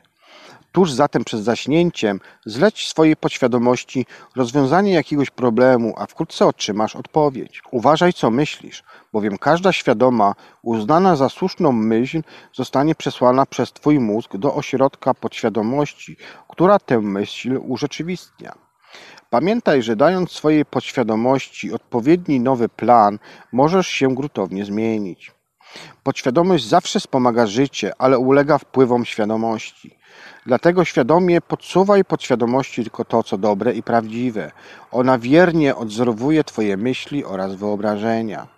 Ludzkie ciało potrzebuje zatem 11 miesięcy, aby odnowić swój budulec. Spraw zatem swoje nowe ciało, zmieniając na stale sposoby myślenia. Zdrowie to stan normalny, choroba to odstępstwo od normy. Na tym polega wrodzona zasada harmonii. Myśl wyrażające, myśli wyrażające zazdrość, strach, niepokój oraz lęk niszczą układ nerwowy i gruczoły, powodując wszelkiego rodzaju choroby psychiczne i fizyczne. To, co świadomie odczujesz i uznasz za prawdziwe, przejawi się w Twoim umyśle, ciele i w życiu. Afirmuj dobro, a Twoje życie stanie się radosne. Akcją jest myśl, zaś reakcją jest odpowiedź podświadomości. Jeśli myślisz dobrze, twoje decyzje także będą mądre. Pamiętaj, że gdy podświadomość zaakceptuje jakiś pomysł, natychmiast przystępuje do jego urzeczywistnienia. Zaczyna działać, angażując swoje niewyczerpane środki. Mobilizuje wszystkie siły umysłowe i duchowe. To prawo dotyczy zarówno dobrych, jak i złych pomysłów. Gdy posłużysz się podświadomością w sposób niewłaściwy, czyli będziesz na przykład myślał negatywnie, skutek będzie niekorzystny. Podświadomy wtedy urzeczywistnie kłopoty, niepowodzenia oraz porażki. Jeśli posłużysz się nią konstruktywnie, otrzymasz dobrą radę, wyzwolenie oraz spokój ducha. Gdy Twoje myśli są pozytywne, konstruktywne i pełne miłości, otrzymasz oczekiwaną odpowiedź. Z tego wypływa oczywisty wniosek, że aby uniknąć porażki, należy wpoić w swojej podświadomości pożądane wyobrażenia lub pomysły. Wystarczy, że sobie wyobrazisz ich spełnienie, a o resztę zadba prawo umysłu. Powierzaj zatem swojej podświadomości swoje prośby z wiarą i ufnością, a ona zajmie się ich urzeczywistnianiem. Próby zmuszania podświadomości, by dla ciebie pracowała, zawsze cię zawiodą. Uprawniony cel oddala się, a nie przybliża. Podświadomość nie reaguje na przymus mentalny. Odpowiada wyłącznie na wiarę lub świadome przekonanie. Niepowodzenia mogą na przykład z następujących przekonań. Sprawy mają się coraz gorzej. Moje prośby nigdy nie zostaną wysłuchane. Nie widzę wyjścia z danej sytuacji. Jest to beznadziejne. Nie wiem, co robić. Wszystko mi się pomieszało. Kiedy właśnie będziemy hołdować takim przekonaniom, nie zachęcisz swojej podświadomości do współpracy i nie otrzyma od niej odpragnionych odpowiedzi. Drepcząc wręcz w miejscu, nie posuwasz się ani do przodu, ani do tyłu. Innymi słowy, nigdy nigdzie do niczego nie dojdziesz. Wyobraź zatem sobie, że wsiadłeś do taksówki i podajesz kierowcy kilka różnych adresów. Dezorientowany taksówkarz nie będzie wiedział, dokąd ma cię zawieźć. Nawet jeśli będzie usiłował podążać zgodnie z Twoimi wskazówkami, na nic się to nie zda. Nie ma bowiem pojęcia, dokąd Ty chcesz tak naprawdę jechać. Podobnie rzecz ma się z podświadomością. Musisz dokładnie wiedzieć, czego chcesz. Musisz mieć niezachwianą pewność, że problem da się rozwiązać, a jego rozwiązanie zna tylko nieskończona inteligencja Twojej podświadomości. Gdy świadomie na przykład dojdziesz do takich wniosków, wszystko będzie działać wedle, wedle wiary Twojej. A zatem nie spiesz się.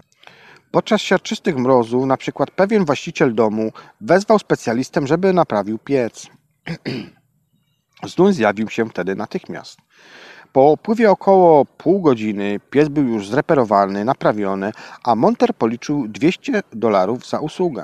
Wtedy właściciel domu się skrzywił i oburzył, wykrzykując, co? Tyle pieniędzy za prostą naprawę i wymianę jednej części? Jak pan śmie żądać 200 dolarów za coś, co nie jest warte nawet 5 dolarów? Fachowiec wtedy mu odparł. Za uszkodzoną część policzyłem tylko 2 dolary, bo za tyle ją kupiłem. Właściciel domu podsunął mu rachunek pod nos. 2 dolary, ryknął. Napisał pan przecież 200 dolarów. Faktycznie, odparł wtedy z dum. Pozostałe 198 dolarów należą mi się za to, że wiedziałem, co się zepsuło i jak to naprawić. I tak właśnie jest z podświadomością. Podświadomość jest jak ów znakomity, wszechwiedzący specjalista. Zna wszelkie próby, dzięki którym potrafi uzdrowić każdy narząd w Twoim ciele. Postanów zatem, że będziesz zdrowy, a podświadomość to urzeczywistni, a kluczem jest spokój i brak pośpiechu. A zatem nie spiesz się.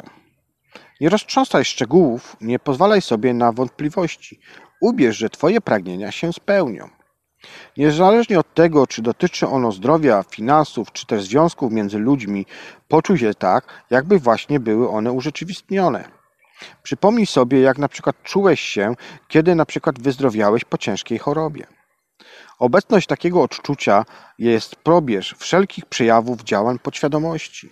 Zatem wyobraź sobie, że Twoje pragnienie właśnie się realizuje i nie czeka na urzeczywistnienie się w przyszłości. Pozyskiwanie potęgi podświadomości nie polega na zmuszaniu się do jej działania. Ciężka praca nie gwarantuje sukcesów. Nie odwołuj się więc do siły woli. Po prostu wyobrażaj sobie, że pragnienie już się urzeczywistniło i odczuwaj ulgę, jak, jaką ci to sprawiło. Twój inteli, inteli, intelekt może się na przykład buntować przeciwko takiemu stawianiu sprawy, poszukując sposobu rozwiązania problemu i narzucając je podświadomości. Zawsze ten mały drań będzie nam tutaj się wchramolał i próbował nas y, jakby wytrącić, y, wytrącić i spróbować się, że tak powiem, zbilansować i działać na równych falach z naszą podświadomością. Nie pozwól więc na to. Odrzuć wszelkie inteligentne, intelektualne strategie Zachowaj prostą dziecięcą wiarą, która czyni cuda. Wyobraź sobie, że choroba, kłopot już cię nie dotyczą. Poczuj większość y, wdzięczność za to, że udało ci się od nich uwolnić. Odrzuć wszelkie zastrzeżenia, bowiem najkrótsza droga jest zawsze najlepsza. Trzy warunki, aby nasze modlitwy, nasze afirmacje, wiara nasza była spełniona. Przyznaj się do tego, że masz problem. Przekaż problem podświadomości, bo tylko ona zna najskuteczniejsze sposoby jego rozwiązania. Utwierdź się w głębokim przekonaniu, że sprawa już jest załatwiona. Wszelkie wahania czy też wątpliwości osłabiają Twoje afirmacje. Nie należy zatem myśleć, chciałbym wyzdrowieć, ani mam nadzieję, że to podziała. Musisz być pewien tego. Musisz być pewien, że to zadziała. Masz bowiem prawo do życia w zdrowiu oraz w harmonii. Modlitwa czy też afirmacja staje się skuteczna dzięki nieskończonej potędze uzdrowicielskiej Twojej podświadomości. Przekaż zatem ideę zdrowia, wierząc niezachwianie w skuteczność tej potęgi, a następnie uspokój się i odpręż. Poddaj się potędze podświadomości. Powiedz sobie, to na pewno się uda. Im bardziej będziesz wtedy odprężony i pewny siebie, tym skuteczniej przekonasz swoją podświadomość i pozwolisz, by energia kinetyczna Twoich myśli została urzeczywistniona w zamysł. Przymus mentalny i nadmierny wysiłek wynikają z lęku i strachu, które przeszkadzają spełnieniu, a więc zachowaj spokój. Gdy odprężysz umysł i weźmiesz jakiś pomysł, Twoja podświadomość zacznie go realizować. Myśl i planuj, odrzucając tradycyjne stosowane sposoby. Pamiętaj, że każdy problem da się rozwiązać. Nie zaprzątaj sobie głowy i nie przejmuj się nadmiernie rytmem bicia serca, miarowością oddechu czy też funkcjonowaniem innych narządów. Zawierz swojej podświadomości i często sobie powtarzaj, że wszystko w tobie działa zgodnie z wolą Twórcy, zgodnie z wolą Stwórcy. Czując się zdrowym, tworzymy zdrowie. Czując się bogatymi, bogacimy się. Wyobraźnia jest zatem Twoją najpotężniejszą siłą. Wyobrażaj sobie tylko to, co dobre i piękne. Jesteś takim, jakim sobie przecież wyobrażasz. We śnie unikamy konfliktu pomiędzy świadomością a podświadomością. Zanim zaśniesz, wyobrażaj sobie, że Twoje pragnienie się spełniło. Śpij spokojnie i obudź się w radosnym nastroju. Afirmacja polega więc na twierdzeniu, że coś jest właśnie takie, a nie inne, chociaż wszystkie dowody temu przeczą. Jeśli będzie trwał przy swoich modlitwach, modlitwy Twoje wszystkie zostaną wysłuchane.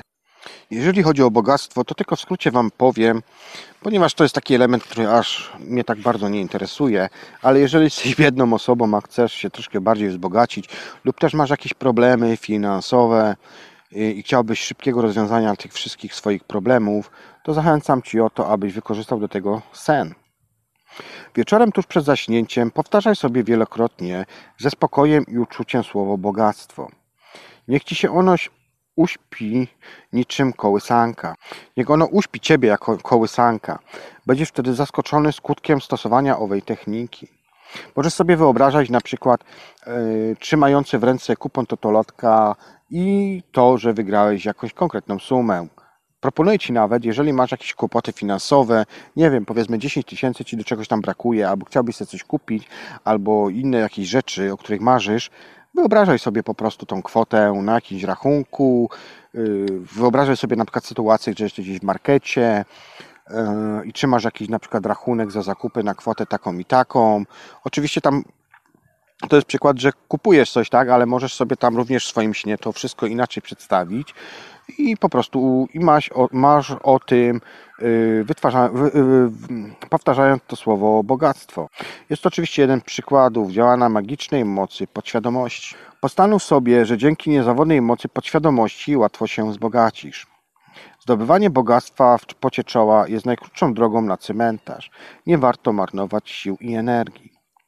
Bogactwo jest skutkiem podświadomego przeświadczenia.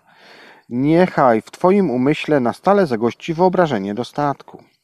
Większość ludzi niestety nie ma niewidzialnego źródła dochodów. Przez jakieś pięć minut przed zaśnięciem powtarzaj sobie spokojnie i wyraźnie, wolno bogactwo, a Twoja podświadomość sprawi, że staniesz się bogaty.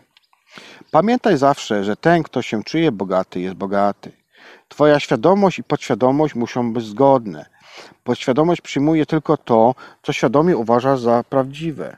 Dopuszcza do siebie tylko myśli dominującą, rozmyślaj wtedy więc o tym wyłącznie o bogactwie, nie zaś o biedzie. Aby zapowiedzieć konfliktowi pomiędzy świadomością a podświadomością, często powtarzaj afirmacje.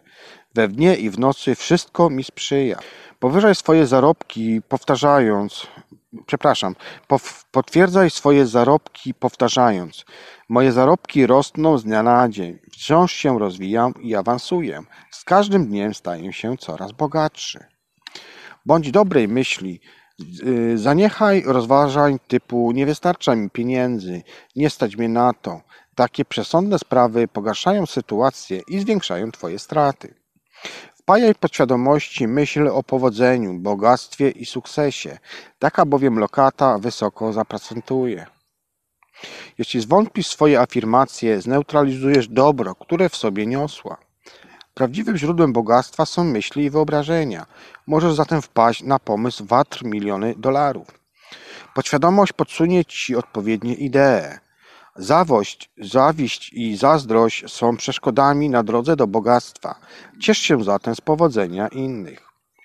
Bariera, bariera oddzielająca od bogactwa znajduje się w Twoim umyśle.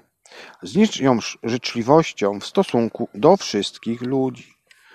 Niech zatem pieniądze nie staną się Twoim jedynym celem. Proś o bogactwo, szczęście, pokój, prawdziwą samorealizację oraz miłość. Promieniując dobrocią i obdarza, i promieniu swoją dobrocią i obdarzaj innych własną życzliwością. Wtedy to podświadomość nagrodzi Cię, odpłacając Ci z nawiązką we wszystkich dziedzinach życia.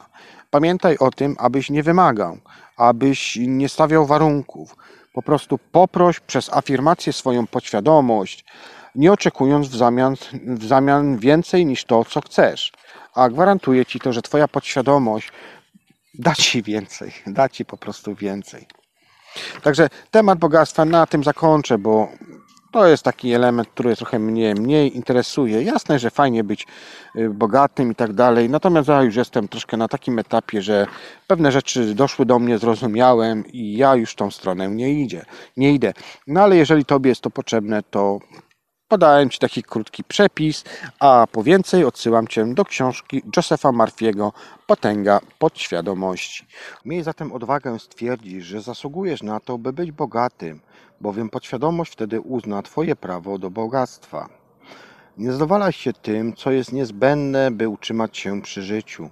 Zapragnij takich sum pieniędzy, jakie pozwolą Ci spełnić wszelkie pragnienia. Poznaj nieprzebrane bogactwo Twojej podświadomości. Gdy w Twoim e, życiu pieniądz cyrkuluje bez przeszkód, jesteś wtedy zdrowy ekonomicznie.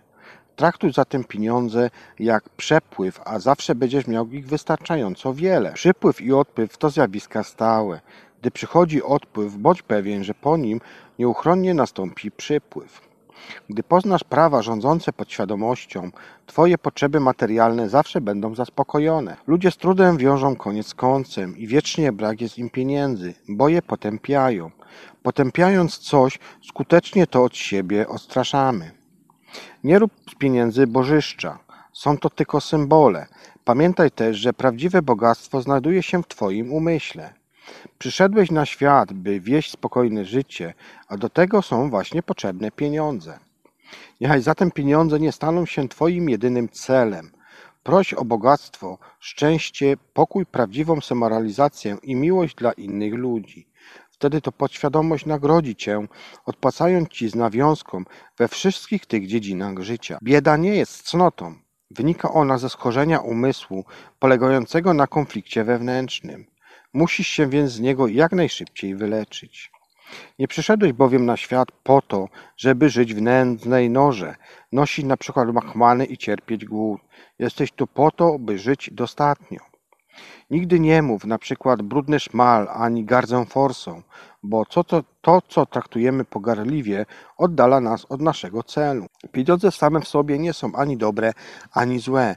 Czynią je tylko taki, czyni je takim, takim sposób, w jakich o nim myślimy. Powtarzaj sobie często.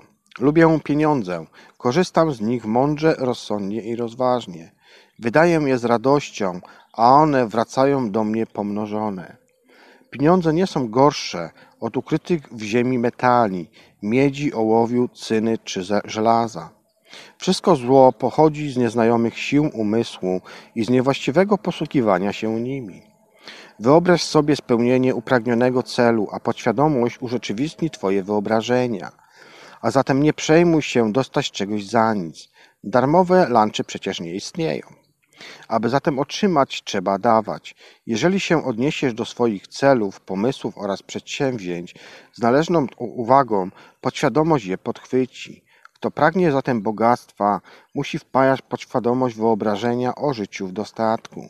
Przykład Wam mogę tutaj zdać z mojego życia, kiedy mm, przez jakiś dłuższy parę lat prowadzona była pewne postępowanie sądowe w Polsce i miałem już naprawdę cholernie dość tego postępowania. Ale powiedziałem sobie kiedyś to, że y, gdy wygram to odszkodowanie, 10% y, należnej kwoty przeznaczam na na zwierzaki, ponieważ miałem kiedyś naprawdę super psa, niestety go już nie ma ze mną, postanowiłem, że ten cel, no, że te pieniądze oddam na psy. No, ale później sobie to przemyślałem i stwierdziłem, że nie, no psy to psy, ale oddam na wszystkie zwierzaki. Więc y, postanowiłem, że do jakiegoś losowego schroniska część kwoty, kwoty pójdzie powiedzmy 5%, a drugie 5% pójdzie do y, schroniska zajmującego się zwierzakami w moim mieście, gdzie mieszkam, w Polsce, gdzie przebywam, właściwie mieszkałem lata temu. Dlatego też wprowadzałem się w transy, wprowadzałem się w transy, y, prosząc moją podświadomość i wyobrażając sobie, jak to wszystko się zakończy, ta cała moja rozprawa sądowa. Możecie mi wierzyć, możecie mi nie wierzyć, ale trwało to dwa tygodnie. Po dwóch tygodniach, kiedy przyjechałem na kolejny urlop do Polski, okazało się, że komornik, że sprawa się zakończyła, wszystkie rozprawy się pokończyły, a komornik zaczyna ściągać pieniądze. Pieniądze są prawie już ściągnięte, ale ja poszedłem jeszcze troszkę bardziej. Zanim jeszcze ściągnięte zostały te pieniądze, ja poprosiłem o to, że nie będę czekał dłużej niż miesiąc czasu i po prostu wyraziłem swoją wolę, afirmację podświadomości, że daję na to miesiąc czasu. Pieniądze w miesiąc czasu zostały ściągnięte. Co do dnia, co do dnia mm, zostały ściągnięte prawie wszystkie pieniądze, bo teraz są ściągane już tylko odsetki, ale cała kwota, którą zarządziłem, została ściągnięta w ciągu miesiąca czasu. Zanim została jeszcze ściągnięta, to ja już poszedłem o krok dalej i spłaciłem całą kwotę, którą y, wyliczyłem sobie, ile to potrzeba, i wpłaciłem tą kwotę już na te wszystkie schroniska, o których y, myślałem. Także y, tak to działa właśnie, jeżeli chodzi o to bogactwo i wyobrażanie sobie tego bogactwa i wpływu na te pieniądze. To, co to, co chciałem, to co, to, co, że tak powiem, wyobraziłem sobie w podświadomości i zrealizowałem to w rzeczywistości, bardzo szybko zostało urzeczywistnione i w ciągu miesiąca dostałem te wszystkie pieniążki. Także tak to działa. Oczywiście nie trzeba tu, nie, nie wolno tu myśleć, tak jak już mówiłem Wam wcześniej, że nie myślcie w ten sposób, że coś dacie i na pewno dostaniecie. Dostać na pewno coś dostaniecie, a z nawiązką czy nie, no to już jest inna kwestia. Ja dostałem to z większą, dużą nawiązką. A zatem nie rób z pieniędzy bożyszcza. Są one tylko i wyłącznie symbolem. Pamiętaj, że prawdziwe bogactwa znajdują się w Twoim umyśle. Przyszedłeś bowiem na ten świat, by wieść zrównoważone życie, a do tego przecież są pieniądze potrzebne. Trzy kroki, które wiodą Cię do sukcesu. Pierwszym istotnym krokiem, który będzie Cię wiódł do sukcesu, jest uświadomienie sobie, co lubisz robić oraz robienie tego. Jeśli nie lubisz swojej pracy, nie będziesz dobrze prosperował, nawet jeśli cały świat okrzyknie Cię człowiekiem sukcesu. Lubiąc zatem swoją pracę, wykonujesz ją z ochotą i z przyjemnością. Jeśli ktoś chce na przykład zostać psychiatrą, nie wystarczy, że, że zdobędzie on dyplom jakiejś uczelni i powiesi go na ścianie. Musi być stale i na bieżąco oraz brać udział w konferencjach, czytać z pracę na przykład psychiki i umysłu. Musi on odwiedzać kliniki, zaznajamiać się z najnowszymi pismami fachowymi. Innymi słowy, musi stale się doskonalić i poznawać nowe metody łagodzenia ludzkich cierpień, ponieważ dla lekarza najważniejsze jest dobro pacjenta. Tak przynajmniej powinno być. Ktoś na przykład czytając te słowa może pomyśleć: Nie potrafię wykonać pierwszego kroku, ponieważ nie, wiesz, nie wiem, co chciałbym robić. Jakże wobec tego mam sobie znaleźć odpowiednie pole działania? Zatem, jeżeli znajdujesz się właśnie w takiej sytuacji, módl się o przewodnictwo na przykład taką, taką afirmację. Cytuję: Nieskończona inteligencja podświadomości objawi mi właściwe miejsce w moim życiu. Koniec afirmacji. Powtarzając tę afirmację spokojnie, stanowczo i powtarzaj tę afirmację spokojnie, stanowczo i z miłością. Jeżeli wytrwasz w ufności i w swojej wierze, doczekasz się wysłuchania swoich modlitw w postaci odczucia impulsu lub zamiłowania, które wskażą ci właściwy kierunek. Poczujesz wtedy wewnętrzną, spokojną i jasną świadomość. Drugim krokiem do sukcesu jest wyspecjalizowanie się w konkretnej dziedzinie i doskonalenie się w niej. Załóżmy, że student wybiera sobie na przykład zawód chemika. Powinien zatem skupić się na jednej z licznych gałęzi tej nauki i poświęcić cały czas na wyspecjalizowanie się tylko w tej jednej dziedzinie. Dzięki zainteresowaniom i entuzjazmowi będzie chciał zgłębić wszelkie tajniki studiowania dziedziny, studiowanej dziedziny. Możliwe też, że zechce wiedzieć więcej niż inni. Oprócz zatem gorliwości, powinien on również odczuwać pragnienie służenia ludziom. A dzisiaj jest tak, że zazwyczaj, kiedy człowiek młody kończy szkołę podstawową, idzie na przykład do ogólniaka, potem idzie na studia ekonomiczne, a potem robi magisterkę na przykład y, zarządzania marketingu, a na koniec robi podyplomówkę na przykład jeszcze czegoś innego. W ten sposób na pewno nie będzie specjalistą w jednej dziedzinie. Dziel i rządź. Który jest większy z Was, będzie wysługą Waszym. Taka podstawa różni się ogromnie od podejścia kogoś, kto chce jedynie zarobić na życiu, na życie lub też sobie na przykład radzić. Prawdziwy sukces nie polega na tym, by sobie radzić. Motywacją człowieka powinna być pobudka, szlachetniejsze i bardziej zainteresowane zainteresowania. Powinien służyć innym tak, aby zarabiać na życie i czynić dobro. Krok trzeci jest najważniejszy, ponieważ musisz być pewien, że wybrana przez Ciebie działalność prowadzi nie tylko do Twojego osobistego wrę- wręcz sukcesu. To może też kierować, y, nie możesz również kierować się w tym swoim własnym egoizmem. Musisz zatem służyć innym ludziom, innym istotom. Powstanie wtedy obóz zamknięty. Inaczej mówiąc, gdy na przykład Twój zamysł będzie zgodny także ze służeniem innym, powróci do Ciebie zwielokrotniony i pobłogosławiony. Jeśli zatem będziesz pracował wyłącznie dla tylko własnych korzyści, obwód pozostanie niezamknięty. Będzie się, wtedy, będzie się wtedy wydawać, że odnosisz sukcesy, ale to będzie krótkie i może to być tak zwane, nazwijmy to krótkie spięcie, które kiedyś tak czy inaczej doprowadzi Cię do ograniczeń oraz choroby. A zatem planuj, masz w swoim własnym umyśle. Podam Wam bardzo fajne, ciekawe przypadki, które tutaj dokumentuje yy, Joseph, bo są naprawdę, nie, naprawdę fajne, ciekawe. Przedstawiam takie, taką, jeden z pierwszych przypadków, które on przedstawia. Przybywając w Hollywood, poznałem pewnego aktora, którego prawdopodobnie zna każdy kinoman i miłośnik telewizji. Zdzierzył mi się on, że dorastał na małej farmie na środkowym zachodzie. Jego rodzina ledwie wiązała koniec z końcem. Jedyną jego rozrywką było oglądanie programu na czarno-białym telewizorze, który odbierał tylko dwa kanały. Dzięki temu człowiek ten zaczął marzyć, że zostanie aktorem. I to marzenie stawało się coraz silniejsze. Pracując na polu, y, mówił, lub y, zaganiając na przykład bydło do oboru, wyobrażał sobie, że widzi swoje nazwisko wypisane wielkimi świetlistymi literami nad wejściem do wspaniałego kina. Widział wszystko dokładnie w najdrobniejszych szczegółach. Tłumy wielbicieli, entuzjazm widzów, chcących na przykład z nim porozmawiać. To, marze, to marzenie towarzyszyło mu przez wiele, wiele, wiele lat. Końcu, gdy opuścił swój dom, pojechał do Los Angeles i dostał tam pracę statysty w filmach i widowiskach telewizyjnych. Wkrótce otrzymał też pierwszą główną rolę. Pewnego wieczoru udał się na premierę filmu i niemal omdlał ze zdumienia. Nad wejściem do kina widział swoje nazwisko.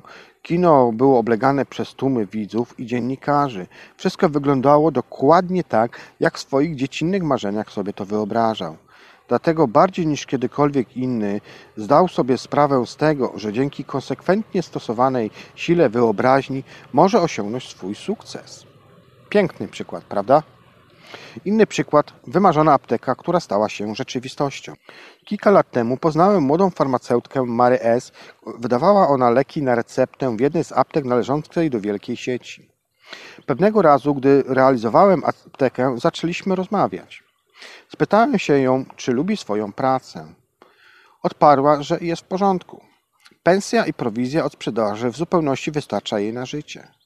Przy odrobinie szczęścia, jak twierdziła, będzie mogła przejść na emeryturę w stosunkowo młodym wieku i cieszyć się życiem.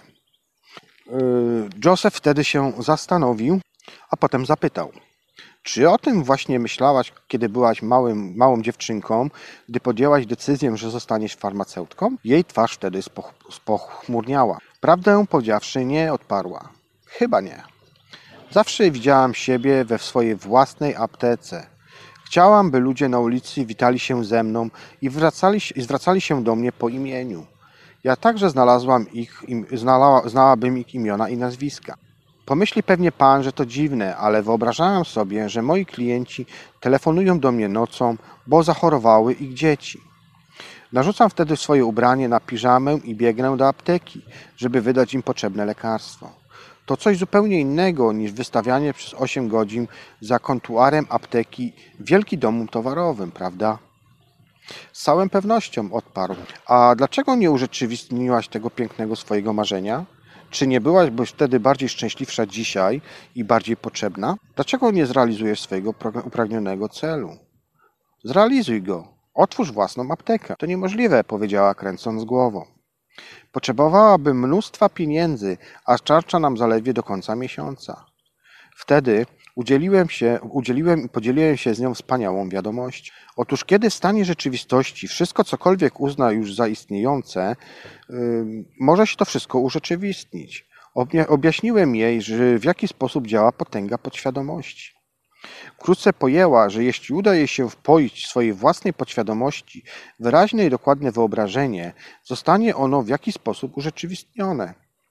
Zaczęła więc sobie wyobrażać, że jest we własnej aptece.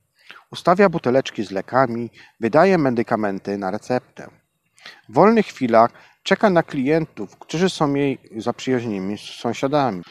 Wizualizowała sobie rosnące konto bankowe, jakby już pracowała w tej właśnie swojej własnej aptece. Wczuwała się w tę rolę niczym wytrawna aktorka.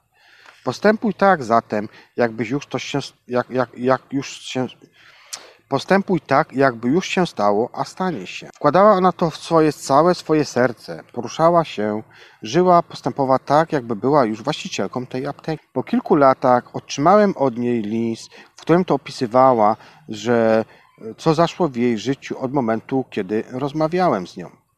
Sieć aptek, dla której pracowała, upadła, przegrawszy z wielką korporacją. Mary znalazła się w dużej kompanii, którą reprezentowała kilku stanach. Pewnego dnia trafiła do niewielkiej mieściny na zachodnim krańcu rejonu, rejonu, który jej powierzono.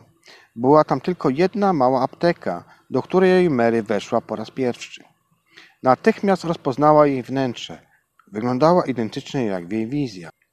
Osłupiała ze zdumienia y, i powiedziała do starszawego wtedy właściciela apteki o tym zadziwiającym zbiegu okoliczności. On zaś odparł, że jest gotów odejść na emeryturę, ale nie chce apteki, która od trzech pokoleń prowadzi jej rodzina, sprzedać jakiejś wielkiej korporacji.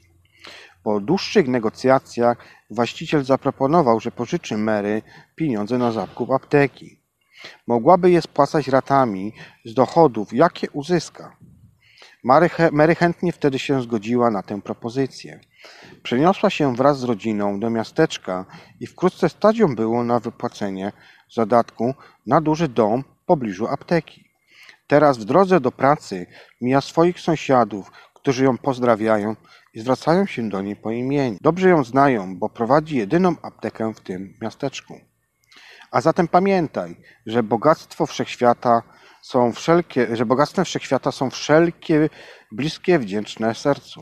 Powtarzaj stale afirmację. Moja pasja z każdym dniem staje się wyższa. Awansuję i rozwijam się jestem coraz bardziej bogatszy, a Twoje dochody się zwiększą. Nie wmawiaj sobie, że nie masz pieniędzy na życie, bo wciąż ci ich brakuje.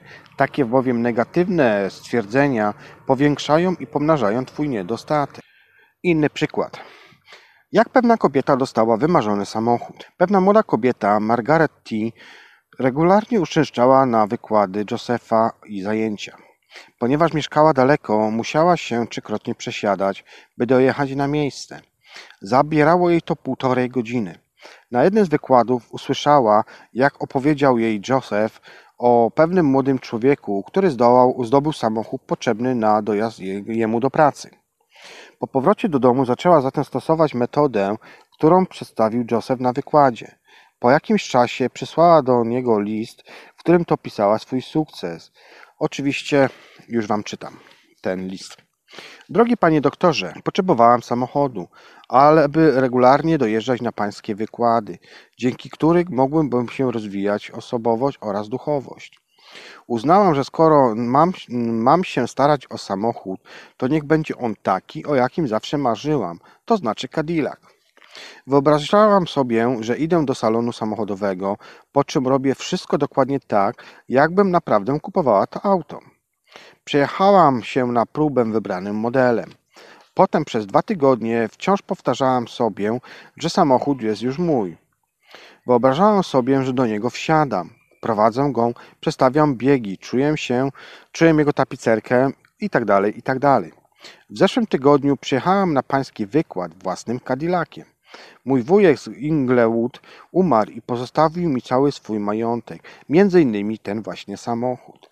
Także piękne są wyobrażenia i myśli, marzenia. Także to jest chyba to, co nas trzyma jeszcze chyba przy normalności. Także maszcie, maszcie, maszcie. A więc podsumowując te moje y, wywody i wypociny, sukces polega na tym, by wieść pomysł, pomyślny żywot. Jeśli żyjesz spokojnie, szczęśliwie i radośnie, jesteś człowiekiem sukcesu. A zatem uświadom sobie, co lubisz robić i zajmuj się właśnie tym. Jeżeli nie wiesz, co jest Twoim prawdziwym powołaniem, poproś o radę, a otrzymasz znak.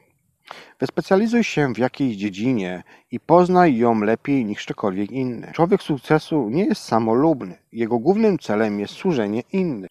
Bez pokoju umysłu prawdziwy sukces jest niemożliwy. Człowieka sukcesu cechuje umiejętność wczuwania się w cudzą psychikę i uczucia. Jeśli dokładnie wyobrazisz sobie uprawniony cel, cudowna moc podświadomości obdarzy cię niezbędnymi środkami, by to urzeczywistnić. Myśl sprzężona z uczuciem staje się wiarą subiektywną, która zostaje urzeczywistniona. Siła konsekwentnie i nieprzerwanie angażowanej wyobraźni sprowadza cudowne moce podświadomości. Jeśli zatem chcesz dostać na przykład podwyżkę w pracy, wyobraź sobie swojego szefa lub osobę ukochaną, która gratuluje ci awansu. Staraj się, by wyobrażenie było rzeczywiste i żywe. Musisz wyraźnie słyszeć głos i dostrzegać gesty tej osoby oraz uzmysłowić sobie to, co czujesz. Powtarzaj tę wizualizację jak najczęściej, a doświadczysz radości płynącej ze spełnienia wysłuchanej modlitwy. Podświadomość to archiwum wspomnień. Aby doskonalić pamięć, powtarzaj często następującą afirmację. Cytuję: Nieskończona inteligencja mojej podświadomości zawsze i wszędzie wyjawia mi to, co powinienem wiedzieć. Koniec afirmacji. Jeśli chcesz zatem korzystnie sprzedać na przykład swój dom lub też, własną powtarza, yy, lub też własność, powtarzaj sobie powoli, spokojnie i z uczuciem. Afirmację. Nieskończona inteligencja przyciąga do mnie nabywcę, który pragnie domu, dom lub cokolwiek to jest i będzie w nim szczęśliwy. Twar przy tym, a podświadomość sprawi, że tak właśnie się stanie. Wyobrażenie o sukcesie zawiera wszelkie elementy sukcesu. Powtarzaj słowo sukces, często z wiarą i z przekonaniem, a podświadomość dopilnuje, by stał się on Twoim udziałem. Ludzie zatem z trudem wiążą koniec z końcem i wiecznie jest im brak pieniędzy, bo je potępiają. Potępiając coś skutecznie, to od siebie odrzucamy. A jak ma się na przykład wykorzystanie swojej podświadomości w przypadku jakichś wielkich um, naukowców i odkryć? Pamiętaj, że wszyscy wielcy naukowcy zawdzięczają wspaniałe sukcesy i podziwogodne odkrycia swojej właśnie podświadomości. Gdy świadomie pracujesz nad skomplikowanym problemem, podświadomość gromadzi wszystkie konieczne informacje, informacje, przetwarza je, po czym prezentuje świadomości jego rozwiązanie w formie błysku olśnienia. Przykład Tesla. Usiłując znaleźć odpowiedź na problem, staraj się rozwiązać go świadomym rozumowaniem. Zbierz wszelkie potrzebne informacje pochodzące z badań oraz posłuchaj specjalistów. Jeśli mimo wszystko nie uzyskasz odpowiedzi, zwróć się przed snem do swojej podświadomości, a otrzymasz ją od niej. W ten sposób jest niezawodny. Odpowiedź nie zawsze przychodzi w ciągu jednej nocy. Nie dawaj za wygraną i zwracaj się do swojej podświadomości noc w noc, a rozproszą się mroki i niewiedzy. Zakładając z góry, że rozwiązanie problemu potrwa długo lub napotka wielkie trudności, opóźniasz uzyskanie odpowiedzi od podświadomości.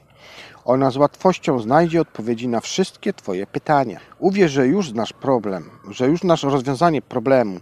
Poczuj radość, ulgę, a podświadomość zareaguje zgodnie z Twoimi odczuciami. Cudotwórcza potęga podświadomości urzeczywistni każde świadome wyobrażenie wsparte wiarą i wytrwałością. Ubierz w siłę podświadomości, ufaj jej, a Twoje modlitwy zostaną wysłuchane. Podświadomość to archiwum wspomnień. Przechowuj wszystkie Twoje przeżycia, począwszy od czasów dzieciństwa. Naukowcy zajmujący się starożytnymi przekazami pisanymi, świątyniami, skamieniałościami oraz innymi świadectwami przeszłości rekonstruują i używają sceny z dawnych czasów, korzystając z pomocy swojej podświadomości. Przed zaśnięciem ufnie i z wiarą zwróć się do podświadomości z prośbą o rozwiązanie problemu, a wkrótce otrzymasz odpowiedź. Podświadomość wszystko wie i wszystko widzi, ale nie wolno wątpić w jej potęgę. Myśl jest akcją powodującą reakcję podświadomości. Myśląc mądrze, sprawiasz, że Twoje działania i decyzje są bardzo mądre. Przewodnictwo podświadomości odczuwać jako nieprzetarte wewnętrzne przekonanie, intuicję i natchnienie. Podążaj za nimi z właściwą sobie wierze prostotą. Podświadomość zatem udziela Ci odpowiedzi w sposób, jakiego się nie, jaki się nie spodziewasz. Może Cię zaprowadzić do księgarni, gdzie kupisz na przykład książkę z rozwiązaniem Twoich problemów lub też sprawi, że podsłuchasz na przykład rozmowę, dzięki której otrzymasz odpowiedzi na nurtujące Cię pytania. Odpowiedź może przyjść na tysiące najbardziej zaskakujących sposobów. Na dziś zakończymy to, co przygotowałem dla Was. Zapraszam Was w takim razie na, na część trzecią o podświadomości, podświadomości, afirmacjach oraz o samoleczeniu ciała. Właściwie o samoleczeniu ciała, jak Wam powiedziałem, chyba wszystko, co chciałem powiedzieć. Ewentualnie może sobie coś jeszcze przypomnę, zapiszę gdzieś tam w notatkach i Wam coś podpowiem. Y, także co, na dzisiaj Wam serdecznie dziękuję za wysłuchanie drugiej części. Zapraszam Was na trzecią część już w przyszłości. Yy, I cóż, dziękuję, że przyszliście tak licznie na tą audycję. Zapraszam Was szczególnie do, do pozostałych audycji, które są w przepastnej kolekcji Radia Paranormalnym oraz na, u mnie na dyskach czy na chomiku. Yy, życzę Wam zdrowia, przede wszystkim tego, abyście wyciągnęli jakieś, chociaż nawet jedna osoba wyciągnie jakieś lekcje z tych wszystkich rzeczy, o których Wam tutaj mówię, i czasami y, wspominam cytaty, czy też jakieś przypadki z książki Josefa. Y, mam nadzieję, że to się Wam przyda i wykorzystacie tą wiedzę w swoim życiu, y, bo każdy ma prawo do bycia życia w zdrowiu i szczęściu. Dlatego też wydaje mi się, że ta książka jest dobrą pozycją do tego, aby się z tym wszystkim zaznajomić. No i oczywiście z tą audycją, o której Wam te wszystkie rzeczy mówię. Także ja Was zapraszam na kolejną, trzecią część audycji. A teraz się z Wami żegnam. Pozdrawiając oczywiście jeszcze, bo zapomniałbym, yy, wszystkich moich kolegów redakcyjnych moich y, kolegów redakcyjnych, yy, życząc im oczywiście również zdrowia i osiągania swoich sukcesów w zamierzeniach radiowych. No i tyle chyba, nie? Także wszystkiego najlepszego i do usłyszenia w kolejnej, trzeciej części. Do następnego razu. Bądźcie zdrowi i w spokoju. Trzymajcie się. Cześć. Projekt i realizacja